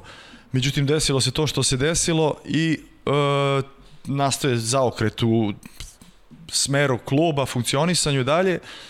Meni je opet najviše zbog te, ne samo te, nego i ostalih dobrih partija u Crnoj Gori stigla ponuda i poziv Vlade Gojkovića za, koji je tad bio kapiten, ali kao i uvek mnogo više od samog ja. igrača i kapitena u, u, u, u klubu, u ekipi, da dođem u Jadran i opet to mi se dešavalo kroz karijeru iz nečega za početak lošeg i jako katastrofalnog se posle nešto izrađalo uvek dobro. Tako da u prvom momentu sam mislio kad se to desilo s Katarom katastrofa, međutim nakon toga poziv Jadrana i opet jedna opet jednako dobra i uspešna sezona u Herceg-Novom. Mm. Bogu da tako sad pomenemo i nju. Može, slobodno. Ekipa odlična. Već su oni oni su pre toga imali e, mini reprezentaciju Crne Gore, bukvalno reprezentacija Crne Gore u malom gde je bilo, ne znam, devet reprezentativaca. E, ušli su neke malo veće finansijske probleme, pa su e, redukovali budžet i otišli su te godine, pre što sam ja došao, Boris Loković, Jokić, e, Saša Radović, e, ne mogu još da se da li Eles, Hrvat isto bio tamo, e, Uglavnom, ostali su kao neki kostur ekipe uh, Vlado Gojković, Nikola Janović i Daniel Premuš i golman Miloš Čepanović. Tako da je to bio neki kostur i došli smo uh, Damir Crepulja, Levoruki, ja, uh, odavde iz Srbije, ne znam, Uroš Kalinić i, i uh, Petar Filipović isto centar, u to vreme jako perspektivni iz, iz, iz uh, Vojvodine. Uh, došao je Željko Kovačić, momak iz Splita isto, trener je bio Ivica Tucak, tako da selektor tekući e, Hrvatske. Tako da je jedna dobra ekipa onako e, ne toliko smanjenih ambicija, ali smanjenog nekog pritiska da nešto sad treba da se osvoji. Krenuli smo da radimo, da uz jedan paklen rad, da, da treniramo, pa da imamo dok će da nas to dovede. Međutim, videli smo da sve to dobro funkcioniše već od početka. Onako, ja sam se isto pronašao u toj celoj tom okruženju. Napravili smo neku dobru hemiju i onda je kruna sezone došla osvajanje Jadranske lige sledeće godine totalno iz nekog prikrajka. Otišli smo na Final Four u Rijeku kao totalni outsideri. Prvo smo dobili u polufinalu Primorje koje je već tad krenulo da se diže i da pravi fantastičnu ekipu gde su bile braće Varga, Garcia, Barać, Franković,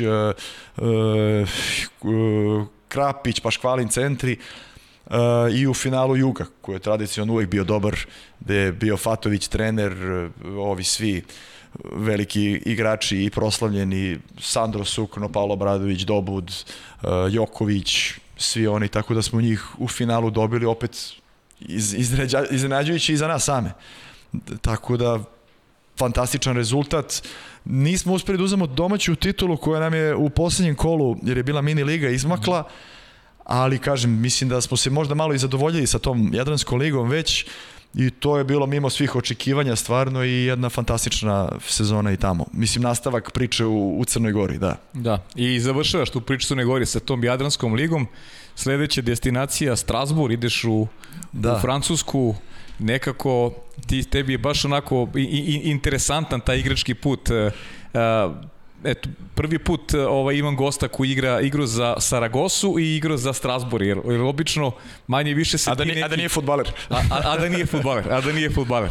Ali bilo futbalera u Strasburu u to vreme, verovatno, kad si, kad si bio ovaj, Pa u to vreme nije zato što je tad upao klub u neke probleme i mhm. -huh. otišao u neki poluamaterski rang nivo, to je neka četvrta liga kod njih kako su mi objašnjavali. Mhm. -huh. Jeste postojao Strasbourg dobar futbalski klub. Mislim da se sad ponovo vratio na, na najviše na, na, na najviši nivo u prvu ligu, ali pre toga je postojao da, međutim tad je bio već u nekim problemima, oni su jako tamo rigorozni oko tih finansijskih pravila i sve ostalo i onda su valjda morali da krenu od nule, da da li proglase bankrot i šta ja znam i odu u najniži nivo takmičenja, tako da nije bio futbala u to vreme kao pre toga. E, par godina nazad sećam se da je, da je, da je Zvezda tragično završila u Strasburu da, svoju da, da, evropsku epizodu.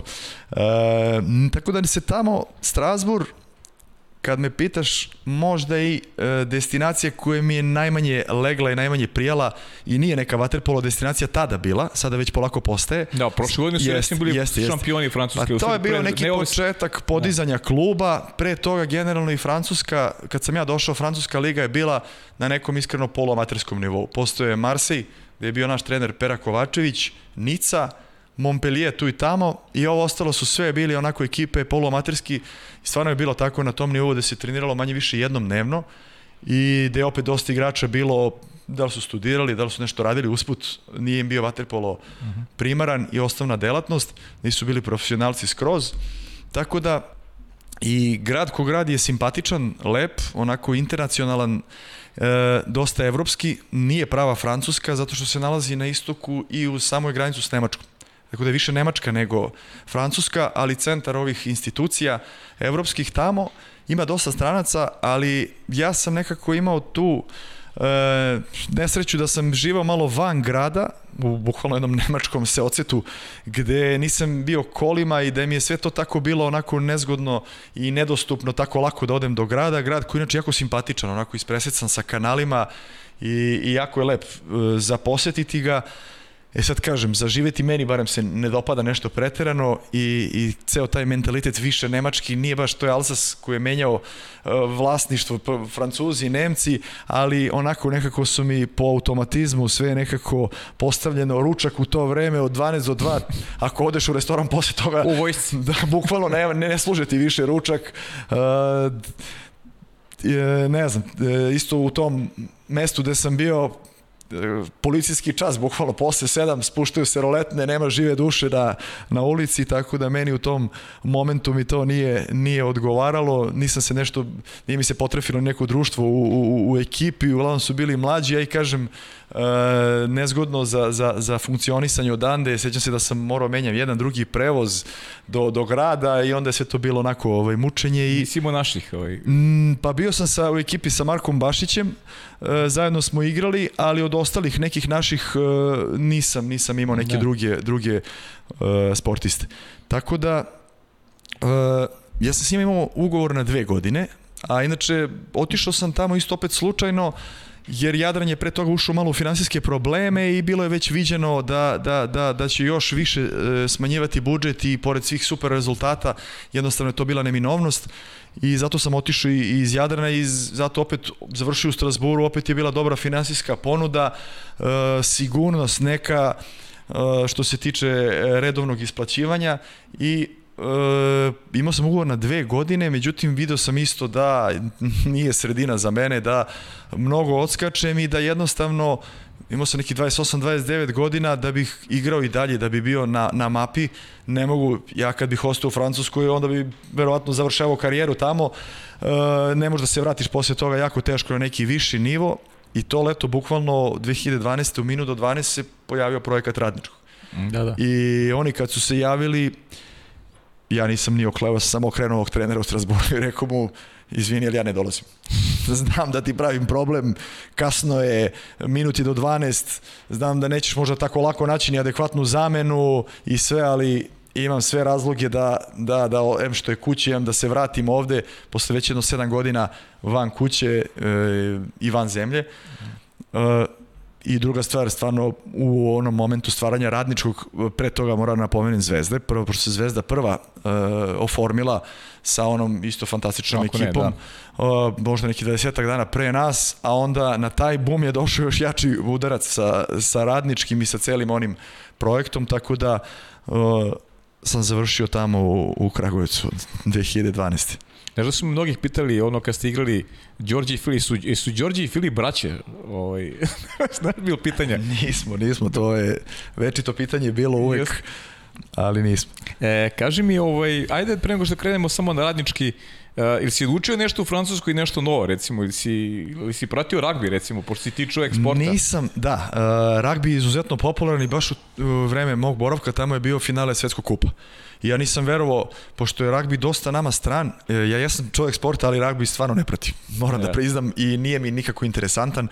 Uhvatio sam malo pravila... Tebi uh, definitivno Francuska nije legla. Da, to, nije, to je meni nije, sad jasno. Nije, da, da, nije, nije. Posle Španije ovaj, nikako. Da, taj prelaz ti da, nije prijel. Da, da. O, tako da naučio sam malo jezik uh, francuski, Uh, još su oni tamo, pošto je, kažem, dosta internacionalni grad i pričali uh, druge jezike, mm. ali uh, nisu kao španci da recimo sa engleskim su na vi. Da, da. da. Ali nije mi, nije mi, nije mi lego i uh, ragbi sam uh, više pratio uz njih, jer se sjećam, mi smo na neko putovanje, oni su svi gledali taj svetski kup već sa većom pažnjom i većom strašću nego, nego futbol. I onda sam tek malo ušao tu i video da postoje ekipe i, i da, je, da je propraćen da recimo na onom njihovom čuvenom stadionu Saint-Denis postoji klub ragbi odande, gde ne znam koliko hiljada e, pretplatnih karata oni imaju, recimo stalno je pun stadion, i da je to neverovatan događaj kad, kad igra ta lokalna ekipa, over Saint Denis je predgrađe Pariza i stalno je pun stadion kad igra ragbi ekipa. I vidio sam da je ragbi stvarno tamo uh, propraćen i mali kažem nisam ga puno nisam ga puno pratio i pratio sam ostale sportove, u to vreme je bilo podizanje blago ovog PSG-a i to, e, ali je, sećam se, baš te godine u Montpellier, recimo, totalno ni od da uzu titulu u, u, u Francuskoj i tako, nisam, nisam ovo ostalo nešto puno ni pratio, više sam pratio preko interneta ove naše sportove ovde kod nas. Ajmo onda u Kragujevac. Da. Kragujevac, e, sjajan projekat, Kragujevac e, koji eto za, za tih par godina, dve godine, 2012. 13. 14. Uh, opet si osvojio kup Len, igrao si ono finale uh, Lige šampiona, onaj poraz od, od Barcelonete protiv našeg gosta, skorašnjeg Filipea Peronea, ti, ti legendarni opet dueli sa Crvenom zvezdom koji su opet vaterpolo stavili onako podigli ga na, jedno, na jedan viši nivo, u stvari došao do nivoa koji zaslužuje da ima u Srbiji generalno i kamo lepe sreće to postane ovako tradicija, ne samo incidenti s vremena na vreme, nego da imamo stalno jako takmičenje svake godine. Pa ajde malo e, da mi kažeš kako ti se sećaš ti tog perioda, prvo to, taj kup len osvojen, pa final Lige šampiona, šta je tebi neki najjači utisak iz perioda provedenog u, u, u, u Šumadiji? Pa prvo, na početku sva ta euforija koja se napravila oko, oko e, ne mogu kažemo snimanja kluba koji je već postoja, ali o podizanja kluba na, od jednom na jedan svetski nivo i sva ta imena i igračka i, i, i trenerska stručna koja su došla je jedan pozitivan šok bio kako i za ljude, mislim i iz, iz sveta Waterpola i uh, Kragujevčane tamo, a i za mene, kažem, odjednom opet se vraćam posle te poluamaterske francuske, vraćam se opet na najviši nivo i to kod kuće u, u Srbiji. Opet prijao mi je povratak u, u, u Srbiju, Kragujevac super grad za, za, za život. Dosta nas je bilo koji smo dugo bili u inostranstvu gde nam je to jako prijalo taj povratak e, i naravno e, jedna velika sportska priča kod nas. E, sreća pa se i Zvezda tad oformila Partizan je isto bio možda za nijansu slabiji nego pre toga, ali isto i vrlo dobar i, i, i jednako jak. E, tako da Vojvodina isto nije bila loša u tom momentu. Znači četiri ekipe stvarno e, za svaki respekt. Da, ta fantastična finala sa Zvezdom, mada moram da, da, da pomenem i utakmice Zvezde i Partizana, to su neki gosti ovde kod tebe isto pominjali, to finale Kupa Zvezda Partizan isto jedan primer pravog sportskog rivalstva, kako to treba da izgleda na banjici, jedna, druga grupa navijača, sportski, e, bodre jedni druge, stvarno fantastična utakmica, fantastična imena u bazenu. Kažem, Partizan je Malkice bio i za nas i Zvezde, ali isto utakmice sa njima, mi smo ih u polufinalu obe godine play-offa uh, izbacivali. Isto je bilo povuci potegni sa, sa Partizanom, Vlada je već počinjao uh, svoju trenersku karijeru, ovde Dejan isto, ovde Dejan Udovičić, selekt, znači stvarno i trenerska imena, uh, i meni je bilo to impresivno tad treniranje u, u to vreme sa tim superstarovima, znači Boris Loković, Vanja, e, e, Fića, Damir Burić i svi ostali, da se ne naljuti Čira, Aleksandar Čirić koji je posljednji istigao tu od tih velikih hasova, e, svi ostali Zdravko, Radić, Golman, u mojoj ekipi opet igranje protiv u to vreme Zvezde isto i Partizana sa, da sad ne nabrajam dalje, znaju svi i stvarno te utakmice, pogotovo ta finala e, sa Zvezdom, to je bilo praznik, ja ne znam da li će se to ponoviti. Sada baš interesantno kad smo igrali o finale, opet radnički, doduše sad je Novi Beograd i Strahinja, opet smo bili jedan naspram drugog i kaže mi Strahinja, prvi, drugi napad ovoj istorici kaže, e, ovo podsjeća kao na finale pre, pre 7-8 godina, kao, kao kad smo igrali jedan protiv drugog u Zvezda, onako mi namigne i ajde tere dalje, tako da jeste, to je taj bio, sad se polako malo vratio taj naboj, ali u to vreme Punta Šmajdan, pun bazen u Kragujevcu, pa i Banjica kako kad, kad su dolazili partizanovi navijači, a opet mogo si onako dobro da se mučiš i u Novom Sadu, tako da, e, da. stvarno jedan bum te dve godine i, i opet fantastičan moment za, za srpski vaterpol. I najbliži si bio kupu šampiona. Jeste, jeste, najbliži sam bio, da, da, u kapici radničkog. Pa sigurno da ostaje žal za, za, za tim trofejom jer je to mislim jedino finale. Ja sam možda tada i rekao, eto, krivo mi je zbog, zbog toga što sam igrao sad i ko zna kad, jer se ne igra baš finale pogotovo zbog mog puta i karijere, da. ko zna gde će opet igrati i da li će opet biti u prilici, ali iskren da budem, e, zasluženo smo izgubili i sa te neke igračke strane i sad malo stručne znam da realno je bila Barceloneta e, ne mnogo bolja, ali dovoljno bolja da mi ne kažemo e ovako nam je izmaklo ili, ili imali smo ih ili šta znam, nekako su nas ubacili u svoj ritam već krajem druge četvrtine i e, bilo je, neću kažem da je bilo viđeno, ali da, da, su, da su bili bolji oni e, dominirali i, i zasluženo pobedili. Mi smo možda mogli da uhvatimo neku šansu da priključak za penale, pa da eventualno tu potražimo e, neku šansu za, za trofejom, ali realno, realno su bili bolji sa te strane uh, su zasluženo osvojili. Za te strane osvojili nemam žal, eto, pa kao promaklo mi je kroz šake ovaj, taj, taj trofej, ako je bila jedinstvena prilika i kažem, ne, ne ukazuje se često u karijeri. Ajmo vanje da, da, čujemo, da čujemo drugo pitanje. Pozdrav za mog velikog prijatelja Đoleta Filipovića i bivšeg saigrača iz Partizana i Novog Beograda. Teo bih da ti poželim Đole posle ove, uspešne igračke, još uspešniju trenersku karijeru. Takođe pozdrav svima vama u studiju. Siguran sam da misija interesantna sa puno zanimljivih vaterpolo priča i o, ja dočekam da pogledam. A Đoleta bih hteo da pitam koji mu je go protiv Savone u finalima Alen Kupa bio draži. On je u kapici Partizana na Banjici kad je dao odlučići go za pobedu u prvoj utakmici i on je u kapici Katara kada su njih, njegovim golovima osvojili Len Kup. Još jedan put svima veliki pozdrav i želim vam uspešnu emisiju. Sve najbolje.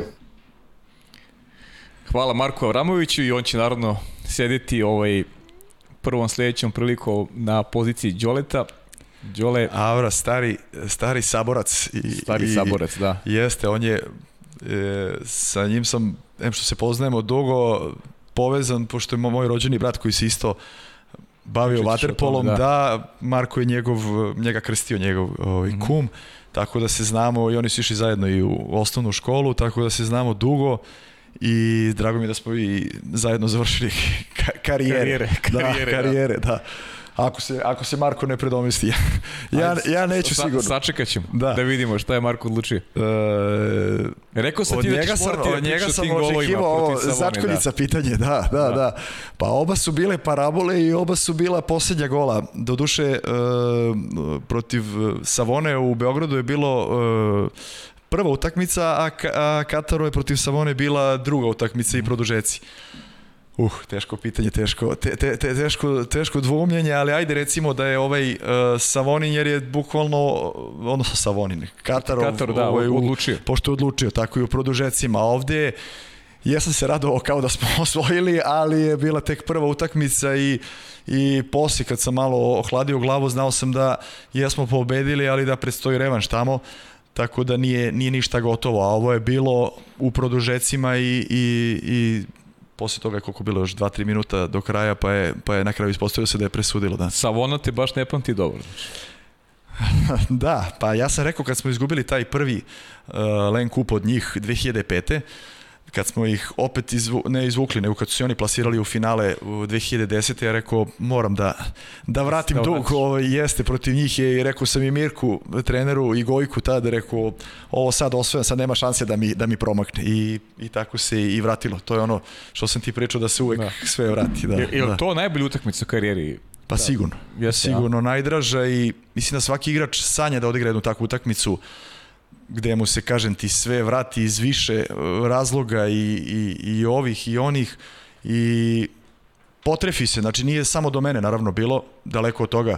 Ne bih ja to mogao naravno uz, bez pomoći sa igrači, ne može ništa u, u kolektivnom sportu bez nekog drugog i daleko od toga da sam sad ja sam da, pobedio, iako su to bili takvi novinarski komentari i, i izjave, ali ništa ne mogu sam, ali sigurno ne znam, jedan veliki naboj i, i nalet i pozitivan talas koji sam pogurao i celu ekipu i, i stvarno sigurno na najdraža, najdraža pobeda u, u karijeri. Ajmo sada šaljamo razglednicu o našim gledalcima iz Bukurešta. Ti opet kaže taj, taj tvoj put je onako uh, in, da, da, interesantan. Da, da te jedu preskočio si Italiju. E, sport management, tako bravo, je, sport management da, sam preskočio, bravo, da. upravo si. Sport management posle radničkog Tako je. E, kaže, prvo sam nevodno otišao iz radničkog, ali bila druga sezona već dosta problema finansijskih i e, nažalost loše zvuči, ali sam još i na vreme otišao odande, jer sledeća godina je bila totalni krah i ovi momci koji su ostali treću godinu su stvarno ovaj, doživljavali baš ozbiljne frustracije. Pričali su prethodni gosti, možda Uroš eh, najviše o, da. o tome i Juga, ne znam koliko, ali otišao sam u Italiju, pa eto jedan od benefita recimo uh, samog igranja finala Liga šampiona je odlazak u sport management, gde mi je trener uh, Marko Baldinetti ili poznati kao Gu u Waterpolo svetu, uh, mi je rekao, doveo sam te, gledao sam te da si igrao finale Lige šampiona i dolaziš iz ekipe koja igrala finale Lige šampiona i to je bila neka preporuka. preporuka da. Tako je, da. Tako da opet i pored bolnog poraza i, i svega lošeg se opet izrodilo nešto, nešto dobro i neki, neki benefit. Mm -hmm. uh, pa to mi je isto jedna jako draga sezona tamo u Italiji. Uh, gde mi je opet, kako sam malo prepričali Strasbourg, da mi ništa nije prijelo, a ovde mi je sve prijelo i to od prvog dana sam video da mi, da mi leži sve gore, sever Italije, taj region Veneto, uh, klub u, u ekspanziji u uh, povoju ušli su u prvu ligu i počeli da, da, da prave već ekipu ozbiljnu za sigurno prvih 5-6. I uh, ja sam možda još posljednji došao, sećam se da sam pre toga, to ćemo pomenuti posle, bio na Malti, pa sam malo kasnije zbog papirologije, oni su se već skupili ranije, uh, taj trener je već bio dve, tri godine i uvijek bukvalno svake godine iz ranga jednog u, u viši, znači iz, on im je tu B, pa, pa, pa A2, pa onda A1. Ovaj, tako su krenuli i jedan veliki entuzijazam tog predsjednika kluba, e, gospodin Sergio Tozi, ja kažem da je sreće da je više takvih predsjednika u, u, sre, u svetu Waterpola, e, čovek koji je vlasnik, vlasnik 30 bazena, odnosno sportskih centara u e, Venetu i Lombardiji. I e, e, priča kluba je interesantna da smo mi izvorno klub iz Verone, koji je isto jedan fantastičan grad, prelep, gde sam se isto oduševio, ali nisam živeo u njemu, nego je, smo bili, bili stacionirani na jednom bazenu u Mantovi, to je 40 km od, uh, od Verone prema, prema Milanu, i tu smo živeli i tu smo trenirali a opet igrali utakmice kao domaćini u Monci, gde je opet na kompleksu i bazenu uh, od, pred, od Ti tog... u stvari najmanji u Veroni bio. najmanji u Veroni, tako je. Tako je. Veronu sam možda jednomesečno odlazio, posećivao ovako, a najviše bio u Mantovi, Monca, pa sam često znao da ostanem i u Milanu posle utakmice. Znači, jedno interesantno iskustvo. Mi smo non stop bili na nekom putu. Uh, da li odemo na sparing u Brešu, koji isto na sat vremena. Na utakmicu nam je trebalo jedno sat i po. Uh, onda opet dođe vikend kad gostujemo. Tako da smo bili u u, u, u kombiju, ovaj, do, dobar deo, ali je to opet imalo svojih drugih draži, da je bilo jako lepo druženje. I lep deo Italije. I lep deo Italije, tako je, i lep način života, koji je meni odmah lego, pogotovo sad u tim malo starijim ovaj godinama. Zrelim, da. Jeste. Uh, sadašnja moja supruga je uh, bila sa mnom tamo i mnogo nam je lepo bilo. Uh, uživali smo, tako da i njoj se puno, puno dopalo i uh, ekipa je bila jako dobra. Uh, kažem, jako dobar trener, poznati mislim da ga sad u Waterpolo svet svi znaju ko je Gu, osvojio kup šampiona, bio trener Vladi i Dači još u reku. interesantan tip, interesantan znalac veliki, taktičar, a ovako specifičan, pošto ajde da kažem po znacima navoda, temperamentno vodi utakmicu do te mere da je te sezone od jedno 27-8 utakmica, on 9 ili 10 bio kaže nije mogao vodi sledeću utakmicu zbog crvenog kartona. znači on je u konstantnom e, konstantnom konfliktu sa svima. konfliktu sa svima. sa svojim igračima, sa sudijama, sa publikom. E, znači neverovatno.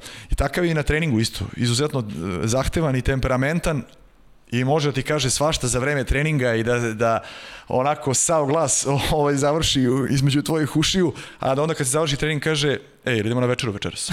znači, to otprilike i stvarno je bila dobra i atmosfera i, i, i druženje i voleo je da insistirao na tom team buildingu i tom zajedništvu i tom druženju. On je prvi potencirao otprilike sad, ja sam navikao sa našim trenerima da nisam toliko blizak i, i, i nisam čak ni išao toliko često, ali pošto je bilo nas dosta koji smo tu bili uh, uh, da kažem van kuće i italijani su dosta bili iz drugih gradova van bez porodica i onda smo često večerali zajedno, on je naravno pronašao pizzeriju u centru grada, organizovao meni za nas, gledanje futbala, znači sve to nije, tako da super isto iskustvo i sa njim i sa svim momcima koji su stvarno bili fantastični i, i sa predsednikom kluba ovaj, koji su stvarno imali jedne fantastične manire, evo da pomenem to, on je im običaj da nas sa svojom suprugom celu ekipu sa porodicama jednomesečno vodi na večeru.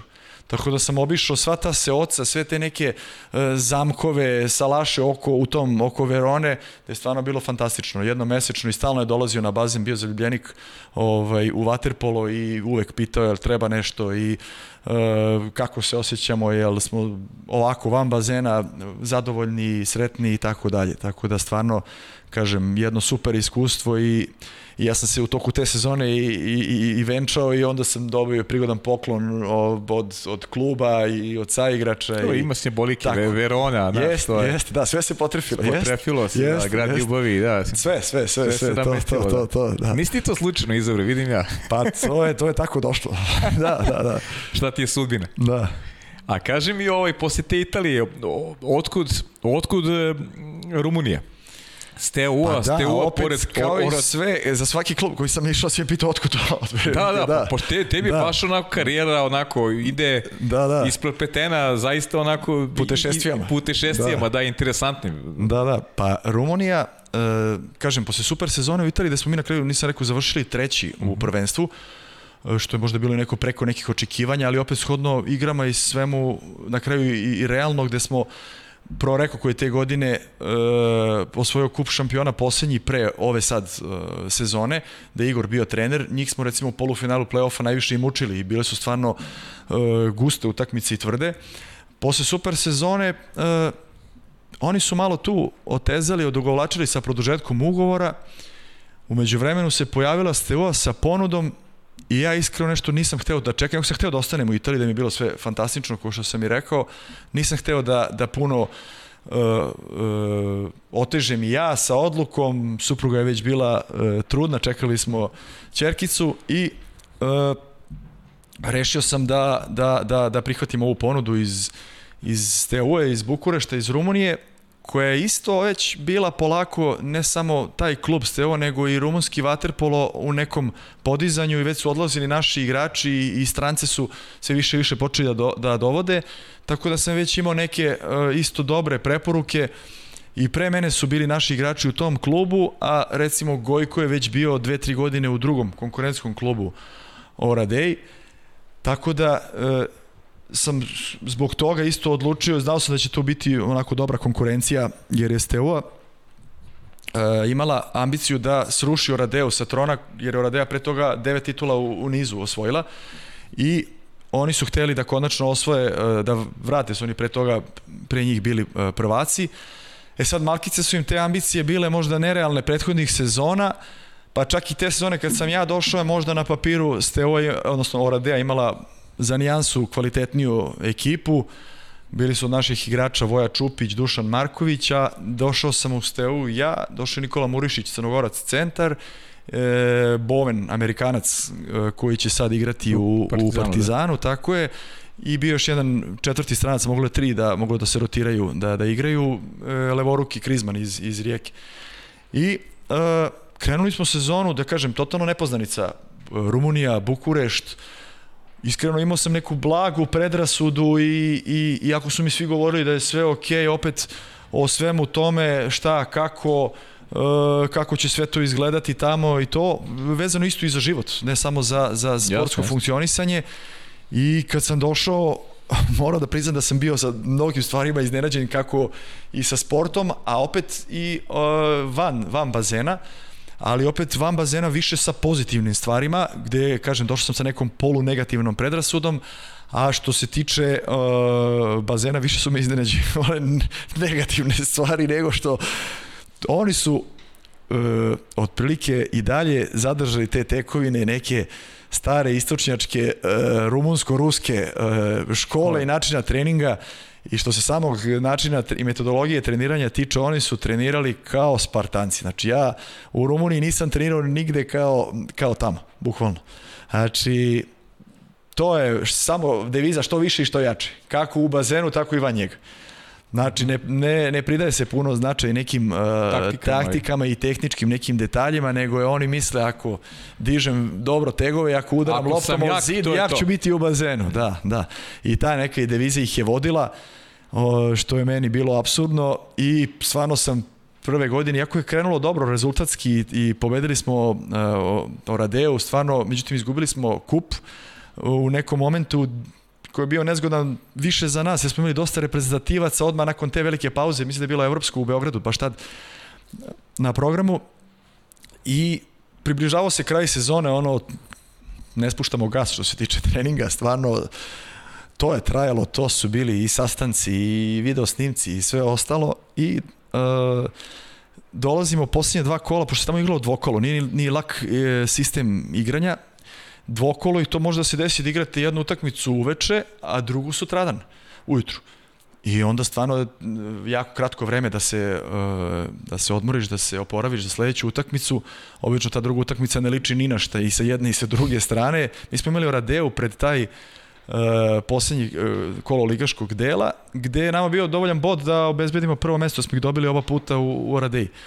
Međutim, prvo nas oni stvarno dobiju i to ubedljivo I tu je opet, opet se ispostavilo ono ranjeni protivnik najopasniji, mi sutradan dobijemo glat i obezbedimo i to bez, bez Murišića, bez prvog centra i obezbedimo prvo mesto u, pred playoff.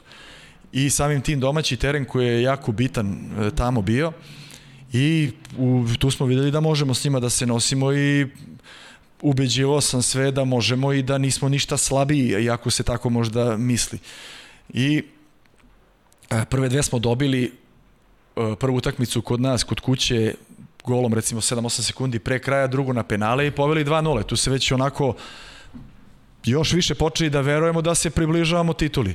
Onda su druge dve bile u Oradeji gde su oni zasluženo dobili uh, treću, četvrta je bila isto na penale gde smo možda mi bili bliži pobedi i onda peta utakmica je bila kod nas na bazenu gde je stvarno bila fantastična atmosfera gde je bila e, nalik ovoj što smo pričali iz Zvezde i Radničkog kao na Tašmajdenu gde su došli e, futbalski navijači s te i da je stvarno prštalo sve.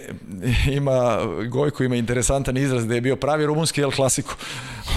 Tako da e, i mi smo ih stvarno tu utakmicu satrli pobedili 12-5 od početka ovaj, smo smo ih nametnuli na, na naš gazdinski ovaj, pristup i, i stvarno mi ta pobeda i ta titula draga. E, zbog čega?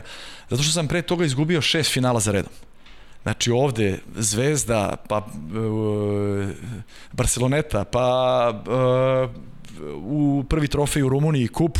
Znači šest finala za redom sam izgubio. I onda... Sedma sreća. Sedma sreća, da, da, recimo da je bila tako. Tako da e, mi je ta isto posebno, naravno uz moje isto dobre partije i sve, ali sam ja tokom te sezone govorio sebi, ma nema šanse ovde da ostanem, iako je stvarno Bukurešt i lep za život. I jako sličan Beogradu.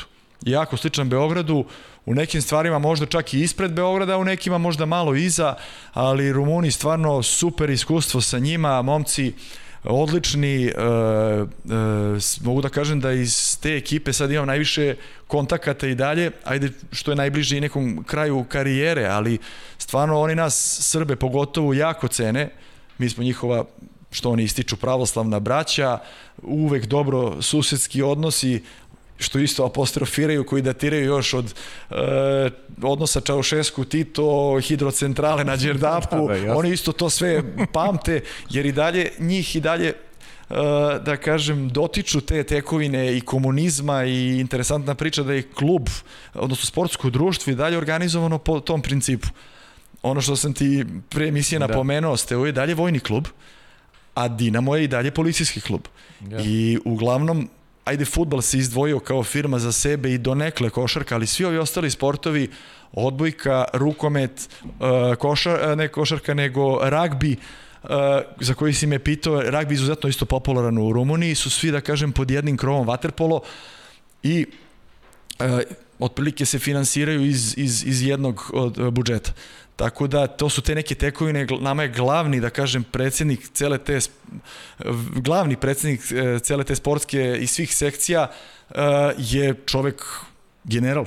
Onako sa činovima koje je do, o, došao pred utakmicu, sećam se da nam dao neku podršku i to, ali oni kad su došli na, na kad je on došao na bazen, to je kao da je došao Tito, bukvalno. Znači svi mirno, a je interesantno da i par igrača u ekipi uh, je civilno zaposleno pri vojsci i tako i on Dinamo recimo pri policiji, to je isto interesantno, to su te neke tekovine i dalje onih davnih uh, vremena. Za ostavštine, za ostavštine, da. ali moram da napomenem da imaju fantastične uslove, da su recimo jedan i drugi nov, novi bazeni od Steaue i od Dinama i da ima još novih bazena, da ima isto jedan jako dobar olimpijski kompleks malo van, van Bukurešta, Tako da Moradea isto ima relativno nov bazen i oni su isto oni su opet druga priča o malo bliže Beogradu, ali kažem iz Bukurešta Uh, posle sam ostao još dve godine jer sam, da, počeo sam da ti pričam da sam prve godine mislio da nema šanse da ostajem dalje. Međutim, da. kad smo ovo uzeli titulu, onda se sve promenilo, onda su rekli šta god da kažeš može ovaj, podigao isto i ugovor i sve i vidim stvarno da su me i zavolili i prihvatili i onda sam produžio na, na, na još dve godine sa njima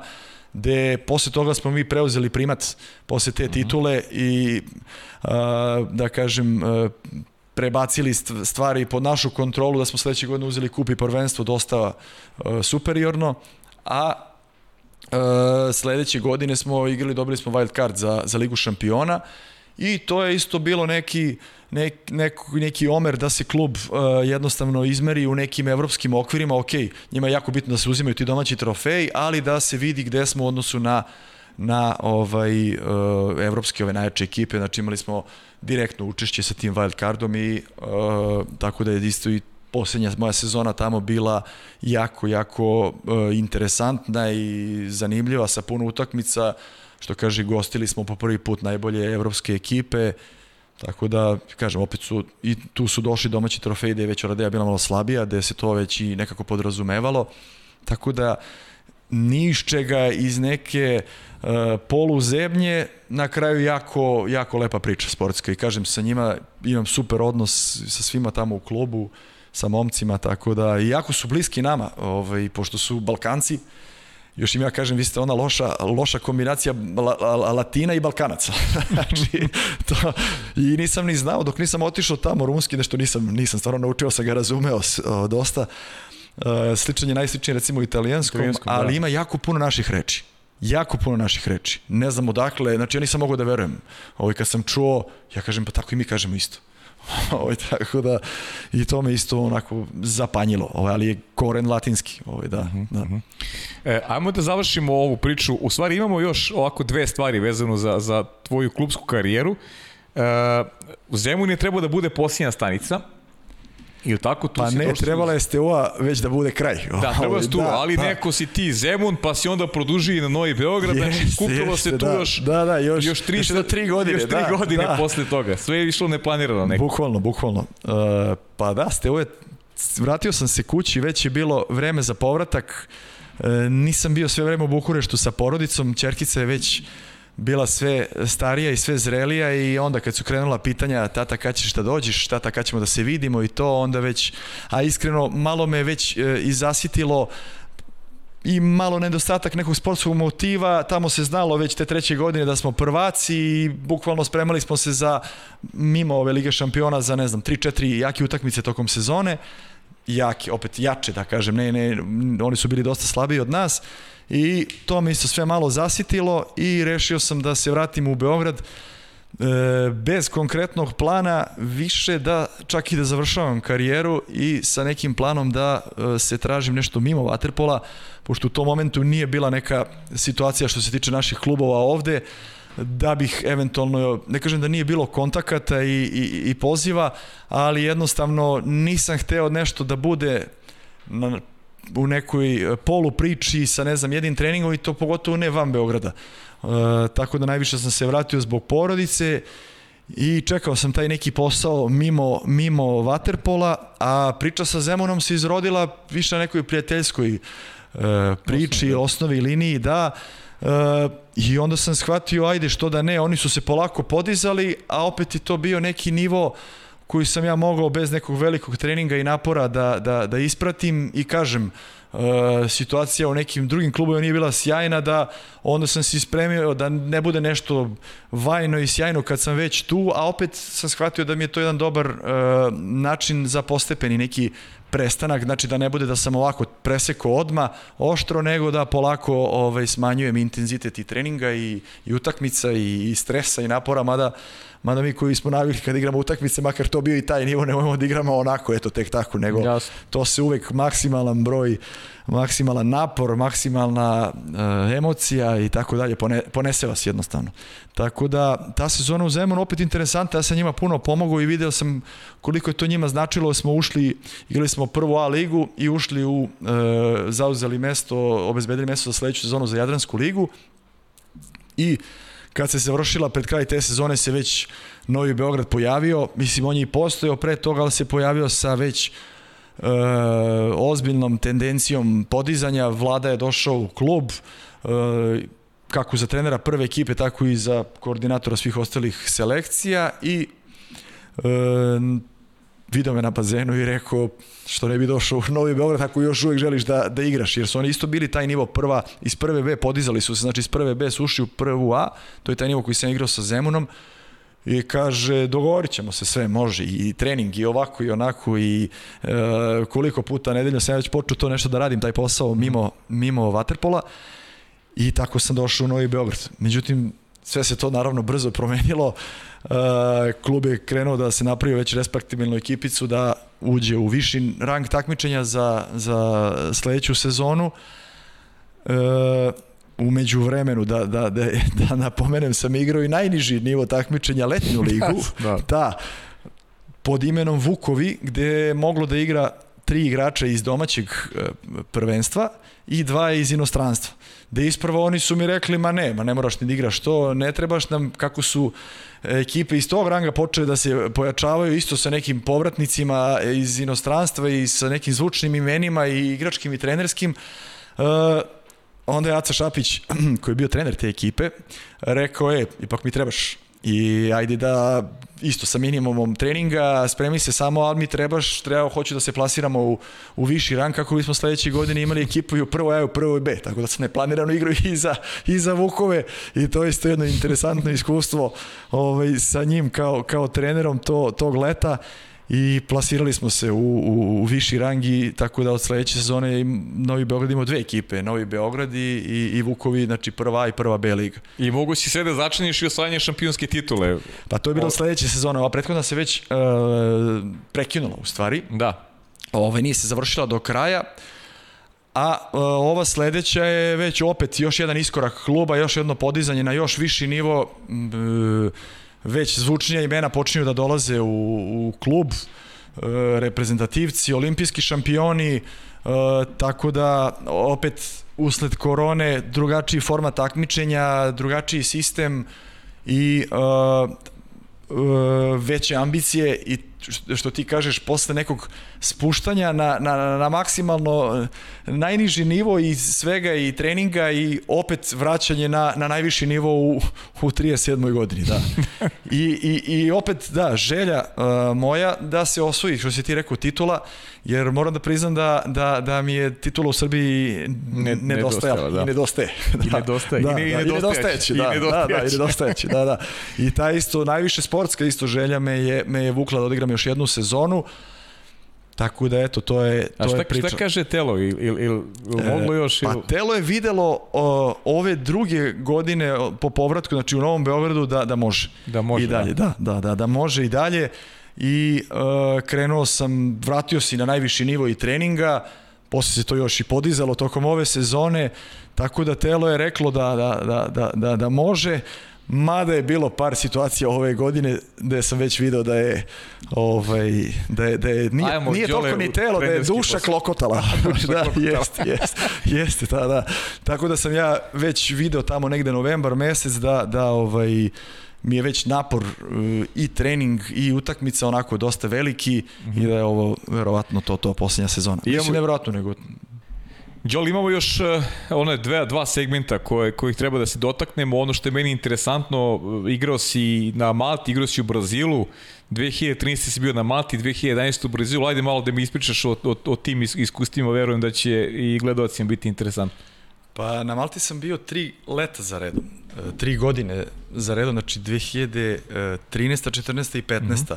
Jer tamo se igra letnja sezona, E, nakon završetka sezone u svim evropskim zemljama. Igra se na Malti, znači počinje bukvalno 1. juna do kraja e, avgusta traje, tri meseca i jedna jako interesantna vaterpolo priča e, e, ovako Malta zvuči možda čudno nekim ljudima van vaterpola, ali u vaterpolo svetu ljudi znaju da je ta letnja liga na Malti izuzetno atraktivna i, i E, propraćena, pogotovo tamo i e, stvarno ljudi sa Malte, Maltežani, oni žive bukvalno za tu letnju ligu, ne samo o, ljudi koji rade u klubovima i sveta vaterpola, nego i e, e, navijači, pošto ima dosta klubova, iako je Malta malo ostrvo, jako gusto naseljeno, e, jako puno klubova i jako puno rivaliteta među tim i lokalitete. I onda je interesantno da bukvalno e, rivalitet postoji između dva kvarta i da su oni e, toliko e, zanešeni e, tim e, sportskim nabojem i, i, i čekaju jedva sve te utakmice i lepi bazen i onako sastoji se iz dva dela, dve strane tribina gde, se, gde moraju da se podele navijači, s obzirom da jako često usled tolikog rivaliteta koji ne ide u neku negativu i neku možda ponekad, ali ne sad u neko huliganstvo i šta ti ja znam, uh, moraju da ih, da ih podele i da ih, da ih čak i primire. Jer mm -hmm. oni stvarno iščekuju željno ovaj, to leto i, i, i žive za to, pogotovo što je uh, otvoren bazen, što je i, i letnja sezona i što nemaju puno drugih sportova.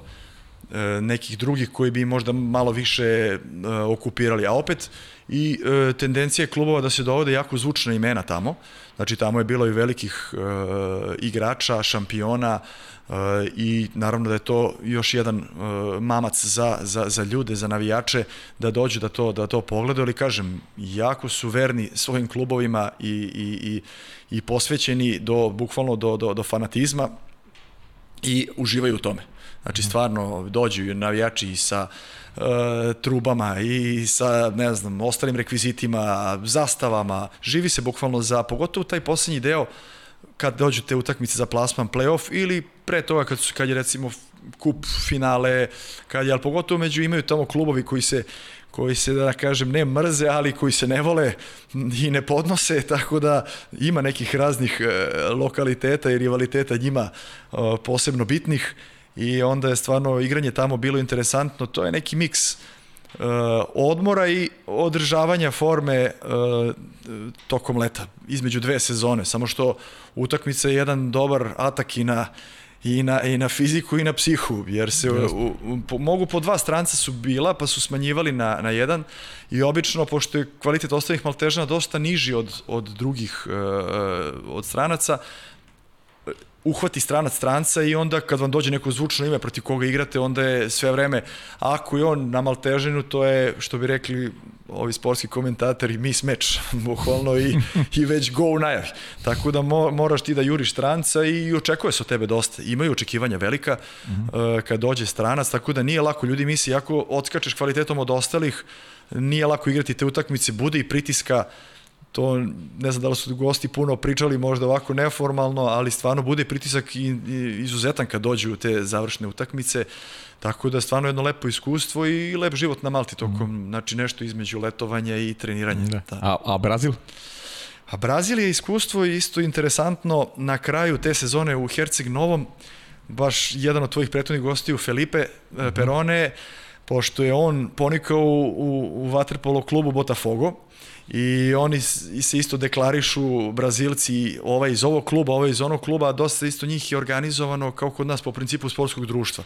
On je recimo Botafogo, a njegov rođeni brat Kiko je Fluminense. Da, to je interesantna priča. I e, sportska društva i klubovi u Waterpolu su isto kao i u futbalu, znači poznata imena futbalska, ne znam, i Flamengo i ovi Sao Paula, Paineiros, Pineiros i tako dalje. Sad ne mogu da se setim svih.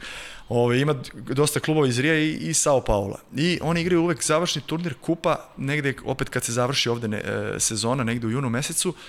I e, treba je tog leta da ide Petar Trbojević e, tamo, kao stranac, međutim, e, da li je on e, produžio sezonu zato što da se plasirali na Final Four i onda im je otkazuju i tražili su nekog i ne znam kako se Filipe uh, setio mene na nečiju preporuku i ovaj, me zvao, jel si zainteresovan, to je opet neki, e, neko jako lepo iskustvo, neki miks turizma i, i igranja. Turnir, moram da kažem da je ozbiljan i u tom momentu je Brazil se polako već podizao za olimpijadu mm -hmm. 2016. da, i turnir je jako ozbiljan. Uh, Uh, zato što dolaze ozbiljni igrači. Uh, evo, samo ću reći da smo, moja ekipa Botafogo je finale, gde smo uspešni bili došli do finala, igrali protiv Fluminense za koga je igrao moj doskorašnji trener Vlada Vojasinović. Uh mhm. -huh. Tako da on, Italijan Leo Sotani, a samo mi je opet igrao Španac Adrian Delgado i sadašnji trener Španije David Martin. Smo bili zajedno i tako da i druge ekipe su imali isto ozbiljno. Leto pre mene su bili i Andrija Prlinović i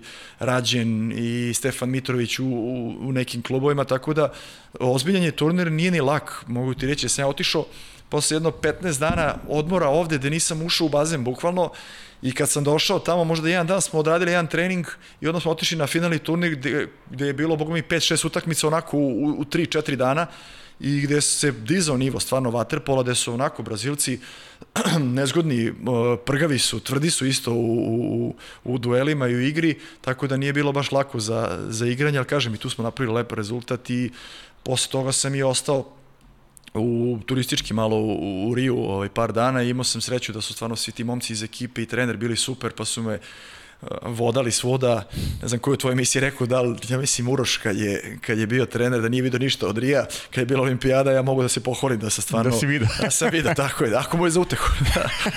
ništa, ispričaj mu. Da, reći ću, reći ću, da, da.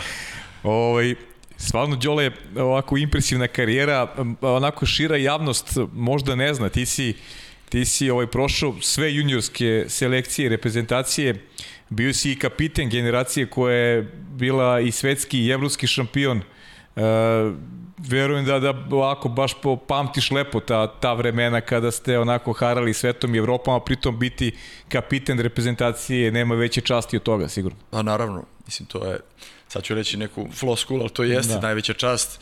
Uh, iako možda u tim uh, godinama još uvek nisi 100% svestan, ali se učiš da, da je to najveća uh, i vaspitavaš tako da.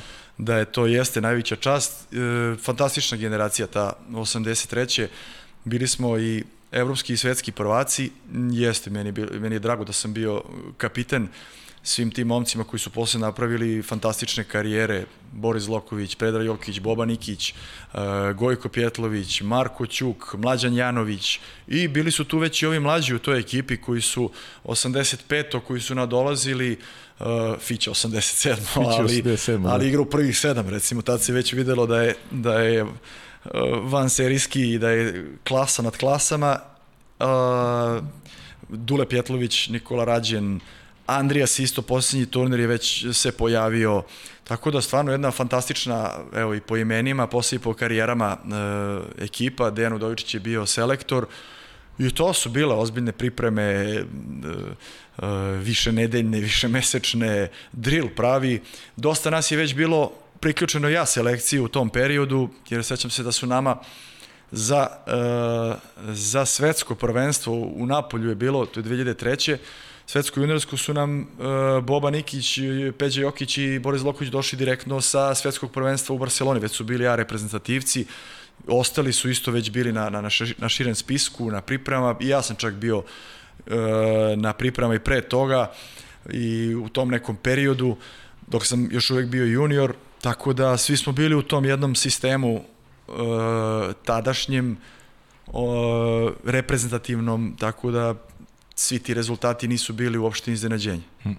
Đole, ono, ono što nedostaje sigurno, eto, verujem da je to neka žal koju ćeš imati da nisi igrao ni na jednom veliko takmičenju za, za, za reprezentaciju. Pa jeste, sigurno da, da postoji žal, ali opet s druge strane ja sam uh, E, pošten prema sebi i realan i iskren da u većini e, situacije nije bilo mesta. Znači, spadam u taj Uh, sloj tu kategoriju dobrih klubskih, čak i boljih uh, uh, više nivo klubskih igrača, tako da stvarno postoji gradacija naravno u svemu i onda sam dosta i realan i znam da je uvek bilo boljih, rekao sam ti u onom periodu do 2008. stvarno bilo nemoguće prići reprezentaciji, uh, kakve su, kakve su veličine sve tamo bile, da smo bili zajedno sa Crnom Gorom. Nakon toga možda sam mogao da budem na e, recimo pripremama i nekom užem krugu kandidata pa da se recimo selektor odluči, ali kažem nije me zvao odluka takva jednostavno da, poštujem, ali sam opet i donekli realan da znam, pogotovo sad posle generacije kad su se oni podili, kad su stasali, ovaj, stvarno su momci svi superstarovi, nedodirljivi i otprilike znam gde je neko moje mesto i s te strane ne želim, a opet ovako igrački to e, sigurno da postoji žal da, da, da, da, da možda jedno takmičenje sam ovaj, zaigrao za, za, za reprezentaciju ovu e, seniorsku, bio sam više puta ko što sam i napomenuo i što si ti napomenuo na pripremama. Da, 2004. si recimo bio, da. Da, cele pripreme pred Atinu, da, da, da. E, eto, tako da opet tako je kako je, zadovoljan sam i sa svim ovim, Igrao si na dve univerzijade takođe, jest, recimo. dve univerzijade, da, to su stvari, tad su se slale kao B reprezentacije. Mm -hmm. 2001. i 2007. Znači, posle ovih 13 najboljih, posle njih ovo najbolje što, što je u to vreme uh, zemlja, zemlja imala. Tako da, kažem, drago mi zbog toga i to su isto interesantna takmičenja i iskustva i sve u svemu sam više nego zadovoljan celom karijerom. Ajmo uh, pre pitanja gledalaca da čujemo još jedno uključenje. Zdravo svima, zdravo Đole. Prvo želim da ti čestitam mm, na izvarednoj vaterpolo karijeri, kako si ostavio za sebe, na tome da si bio uvek pravi predstavnik Srpske vaterpolo škole, školovan igrač koji je prošao sve vidove selekcije i, i da si to jako dobro predstavljao uvek i na svakom mestu tako da stvarno kapa dole za celu karijeru i da ti naravno poželim puno sreće na ovom novom poslu. Siguran sam da će na početku ti bude malo teže, ali sam isto tako siguran da ćeš se vrlo dobro snaći i, i, i, i da ćeš dobro uplivati i u ove nove vode trenerske. A, pitanje za tebe bi bilo da eto, probaš da napraviš uh, paralelu i, između rada srpskih domaćih trenera i onih trenera iz inostranstva, a da se malo tu, kad su treneri iz inostranstva u pitanju, da se malo više zadržiš na trenerima iz Crne Gore, s obzirom da se i tamo proveo dosta vremena. Veliki pozdrav, čao. Hvala Žiletu Gociću na, na uključenju. Hvala Žiletu na, prvo na epitetima i u vezi karijere. E, a on me je posle gađao sa, sa stručnim pitanjem. Pa, da. Sa ste da, kolege, da, opet, ste, opet ste kolege. Tako je, tako, opet smo kolege. opet ste da, kolege. Da, da, Mi smo ni prestajali. Da, Nikad niste prestali da budete kolege. Da, da. da. E, tačno je, lepo je rekao da e, je i ona i ja smo reprezenti te neke, neke naše škole i, i, i sistema e, koji je dugo bio i dalje je prisutan što Partizana, što reprezentacije, to je manje više bilo i izjednačeno i, i, i isto. I e, nakon odlaska iz Partizana onda sam imao e, iskustvo i priliku da se susrećem sa drugim recimo metodama i, i, i načinima rada drugih trenera. Znači, e, Žile se tu posebno e, apostrofirao je Crnu Goru, zadržao se tamo. Šta mikrofon malo da, da približiš? E, pa u Crnoj Gori mi recimo bio prvo Mirko Vičević koji je opet tipičan taj predstavnik stare eksiju škole, znači 100%, e, čak je i njemu Bata bio jedan od mentora u to vreme i dolazio na neke naše treninge, tako da mislim da sam sve rekao sa time. Uh, Ivica Tucak opet za nijansu drugačiji, ali dosta sličan i dosta i on apostrofirao rad sa Nikolom Stamenićem dok je bio igrač. Mm -hmm. Tako da je što se tiče na, naših tih trenera uh, u Crnoj Gori i Srbiji sve to manje više uh, E, slično, jako i identično sad svako nešto primeni, Mirko je nešto primenjivo neke metodice iz Italije recimo vezane za sam stručni rad u bazenu ili za neku malo psihologiju van bazena e, Ivica takođe, ali je otprilike neka baza i sve ostalo je ona naša stara XU škola, filozofija, doktrina koja je ceo naš vaterpolo, srpski pogotovo, dovela uh, mislim ranije jugoslovenski do, do, do tih visina. Tako da opet imalo je što da se nauči od ovih u drugim zemljama, recimo rekao sam, apostrofirao sam uh, Gua Baldinetija u Italiji mm -hmm. koji je fantastičan taktičar i fantastičan motivator pre utakmice. Uh, stvarno i dalje su mi ostali njegovi uh, motivacijni govori uh, u, u glavi. Uh, Španija opet uh, dugo je bio prisutan E, princip i sistem rada Dragana Matutinovića, koji je bio njihov selektor od 88. mislim do 92. E, vodio ih na olimpijadi u, u uh, Barceloni. Barceloni, da. Da, što je opet ima veze sa našom nekom i oni su dosta od njega, mada je on malo bio uh, surov sa tim fizikalijama uh, i, i to apostrofiraju cela ta, pogotovo generacija, jer sam golman s kojim sam igrao je prožalazio sve te pripreme i drilove sa njim i posle Gabi Hernandez takođe. Tako da se sve vrti opet oko, oko nas. E, što se tiče Francuske, isto tako je bio taj trener kome, kome je Nikola bio trener u Marseju, pa je bio pominje svaki dan Nikola, Nikola e, i pokušao je da tamo implementira i primeni neke naše principe, što baš nije tako lako išlo u, u Francuskoj. Eto, to je, e, Rumunija opet je, eto, rekao sam koji je princip rumunski stari, što isto nisam očekivao tog trenera, misleći da je on dugo igrao preko ovaj, van Rumunije, tako da eto, svuda sam nešto video i, i kupio. Dobro, e, idemo na, na pitanja gledalaca. E, ti si jedan vrlo zahvalan sa, sagovornik s obzirom da si mnogo toga što ima pitanje već ispričao, ali ima nekih interesantnih koje sam, koje sam sačuvao.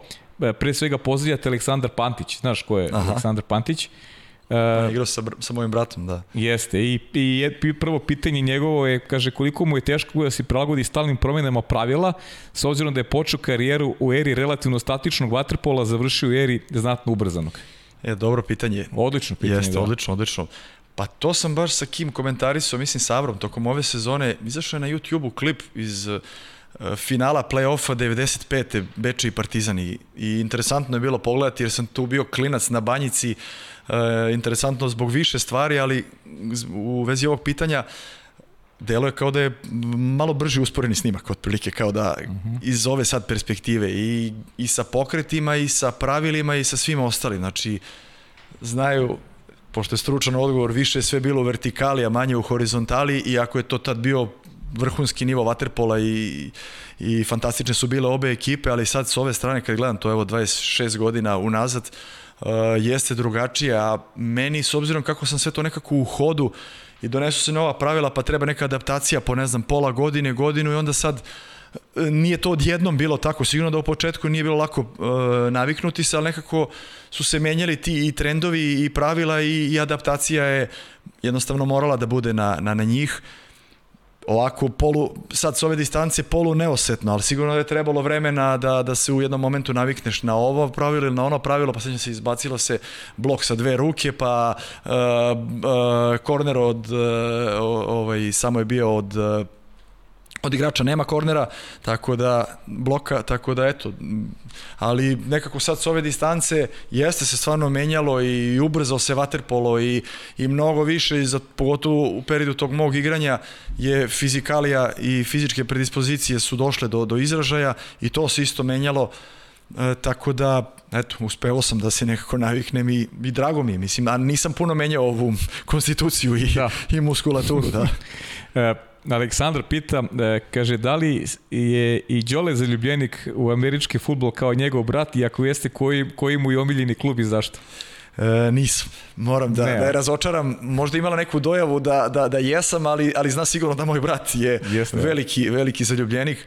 Pa moj brat živi tamo već 15 mm -hmm. godina i pravi Amerikanac i s tim e, dobro, ne mora samo na osnovu toga da prati ovaj da. američki futbal, ali recimo američki futbal pošto je tipičan evropski sport, e, mene nije indoktrinirao i ja se nisam primio na njega kao isto mnogi odavde, kaže ne mora samo da budeš tamo da bi ga, da bi ga pratio, da, da. ali ga on prati to i prati NBA i stalno sad kad su ove utakmice bile i finala, stalno mi pogotovo za NBA to pratimo zajedno, a za NFL to prati on sam, tako da on, nisam zahvalan i pozvan sagovornik da pričam o NFL-u.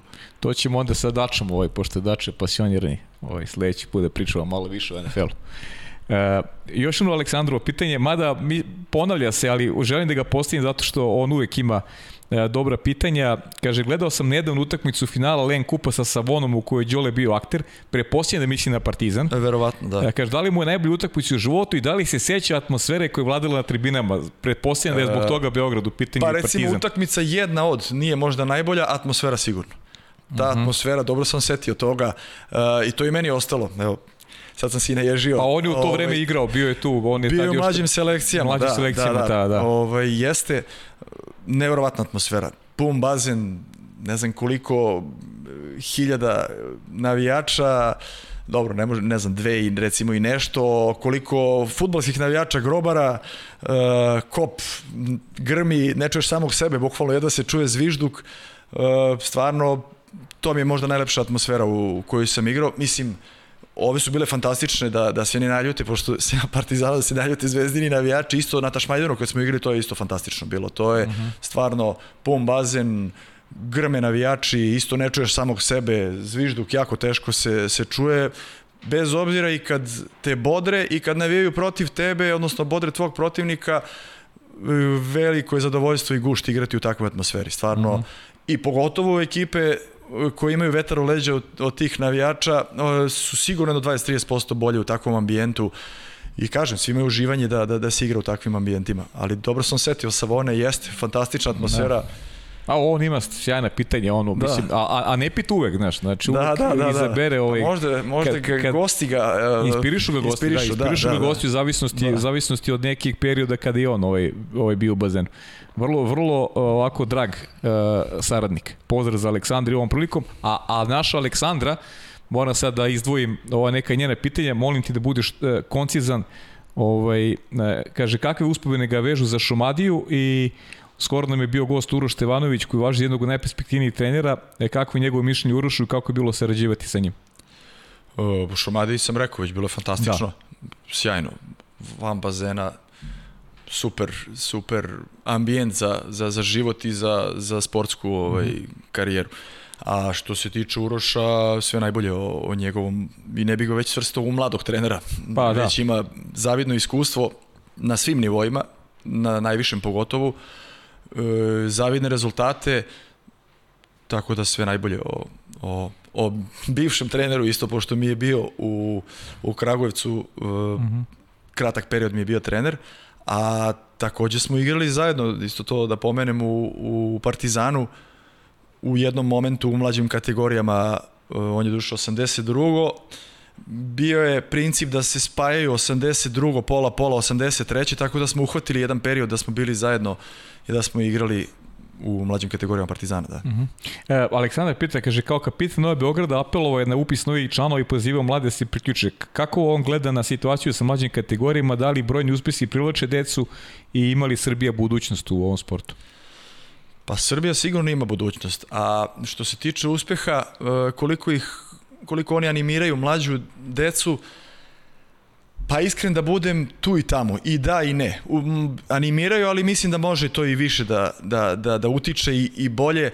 Sad je to dosta i do same dece koliko će, koliko će se oni zainteresovati za sam vaterpolo i generalno za sport.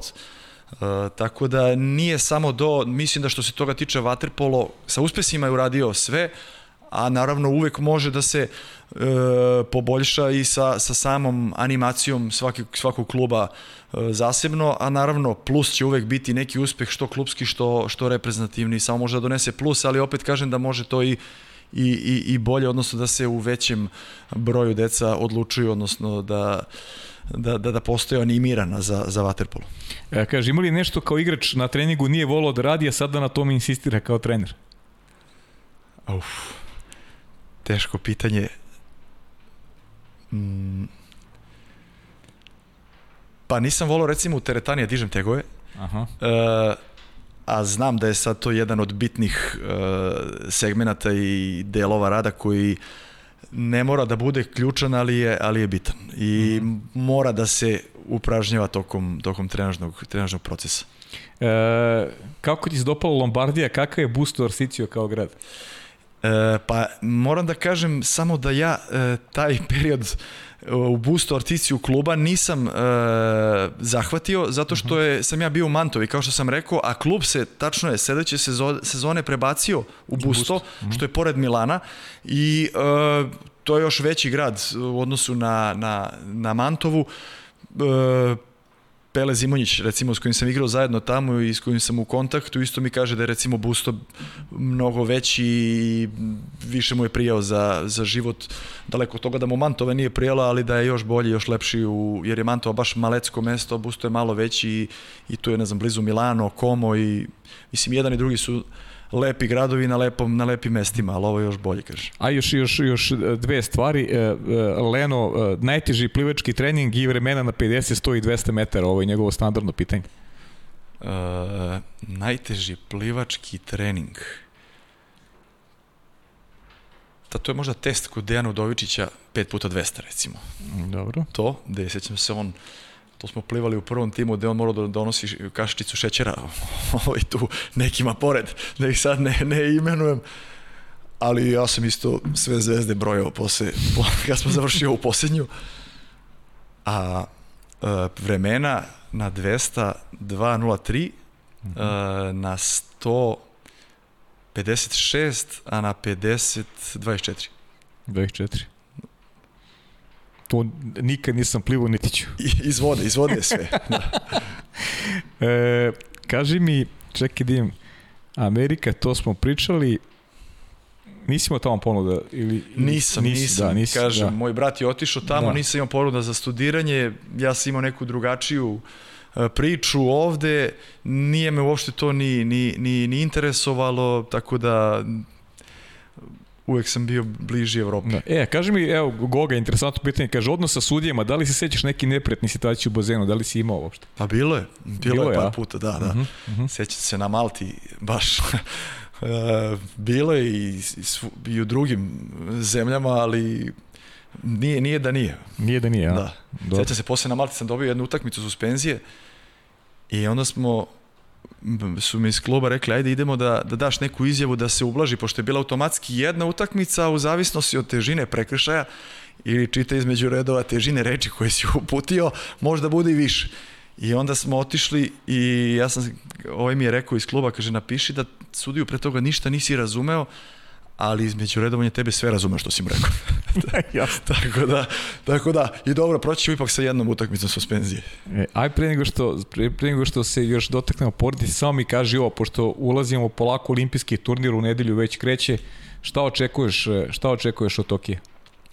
Pa prvo očekujem jedan jako interesantan turnir ovako generalno sa, sa sa neke strane vaterpolo trenera mm -hmm. ra, radnika da kažem, a s druge strane što se tiče rezultatski to je jako teško predvideti ne samo rezultatski nego inače usled cele situacije unazad oko ove pandemije, oko tamo protokola, nadam se da će sve biti ok i e, što se i sigurno neće biti samim sportistima, ne samo vaterpolistima, nego svima lako da učestvuju i participiraju, vjerojatno postoji mali e, niz protokola dnevnih, e, na dnevnom nivou pred utakmicu, tako da će sigurno s te strane im biti specifično. E, jako težak i zahtevan turnir, jako teška grupa, odmah se naravno prebacujem na našu reprezentaciju, da. e, jako teška grupa, e, i što je i, i selektor naš Dejan rekao, ajde za početak da se prođe ta grupa, pošto što ja mislim da ipak neće dolaziti u pitanje, mada je u, u Riju bilo u jednom momentu o, stani pani oko toga, a pa posle da se ide iz utakmice u utakmicu, jer kažem, svaki po, protivnik izuzetno zahtevan, e, naši su, ne moram da trošim reči o njima, e, fantastična generacija, super starovi, e, m, poslednji turnir e, sigurno će, oni su veliki šampioni i imaju taj šampionski virus u sebi i nadam se da će izbiti sad na površinu i sigurno se neće zadovoljiti pucaće na najviše, neće se zadovoljiti, eto tek, ne znam, prolazom grupe ili prolazkom četvrt finala, ali e, mislim da sad ne zavisi baš sve od nas. Eh, ali daleko od toga nismo apsolutni favoriti kao što smo bili u Riju, da svi, ne znam, beže od nas, ali opet im nije sve jedno kad na koga god budemo došli u tom četvrtom finalu i drugi su se podigli i što je normalno na, naši igrači su već i, i fizički već ovaj manje možda potentni nego ranije, pogotovo što ima puno utakmica, znači to je minimum sedam jakih i teških utakmica na, na turniru, treba sve to izdržati, ali mislim da su oni za to kadri i, i ovako već u ovim ozbiljnim i zrelim godinama uh, veliki su šampioni i nadam se da će to i potvrditi opet. Đole, uh, najslađe za kraj, porodica, redi da, Porodica, da ih za kraj i da ih pozdravimo da. i da ih i da supruga, tako je. Da, između ostalog, Aleksandar ti je čestitao i rođenje sina, to sam zaboravio da ti kažem. Pre, da. pre, evo, na današnji dan, tačno pre pet meseci. Da. Uh, Luka, Lena, starija čerka, uskoro će šest godina, supruga Dada, ništa moj temelj svega, kao i, kao i kod svih i, i evo, pozdravim ih ovom prilikom, pošto su na moru. No, pridružit će im se sredinom posle olimpijade, sredinom augusta. Dobro, da. da. Znači, uživaju pozdrav i sa, i sa moje strane. Neko sreća prati sve tebe, pogotovo sada na ovom trenerskom poslu i super je što, što vi bivši igrači ostajete u Waterpolu, što dajete neki novi temelj, učili ste od pravih ljudi i sada je red došao da to znanje koje ste stekli da prenosite nove mladi i da na taj način srpski vaterpol ostaje Tako je. onako u vrhu i baš vas ima sada i, i, i, i dosta, da, da kažem, što je, što je stvarno super. Pa hvala ti na, na lepim i rečima i željama. E, kao što si rekao, želja mi je da to bogato znanje prenesem do sad sam to radio možda na neki drugi način, evo kao kapiten, ove, i kao najstariji, ubedljivo najstariji igrač ove posljednje sezone u, da. u ekipi, a sad kao trener jedna totalno drugačija uloga, drugačiji početak, pa nadam se da ću biti uspešan i, i, i u tome, onako put za sada u nepoznato, ali što kaže, spreman sam isto da naporno treniram, radim, pa vidjet ćemo dok će me to odvesti. Đole, ali ima nešto da, da te nisam pitao, a, a hteo bih da istakneš? Kako, ti, kako si ti prošla ova, ova, ova dva sata, pa i koji minut više? Pa prošlo je fantastično, stvarno. Ne znam, s moje strane, pošto sam ja uglavnom odgovarao, nije bilo ništa što sam, što sam hteo nešto posebno da istaknem, da kažem, okay. a da nisam možda rekao.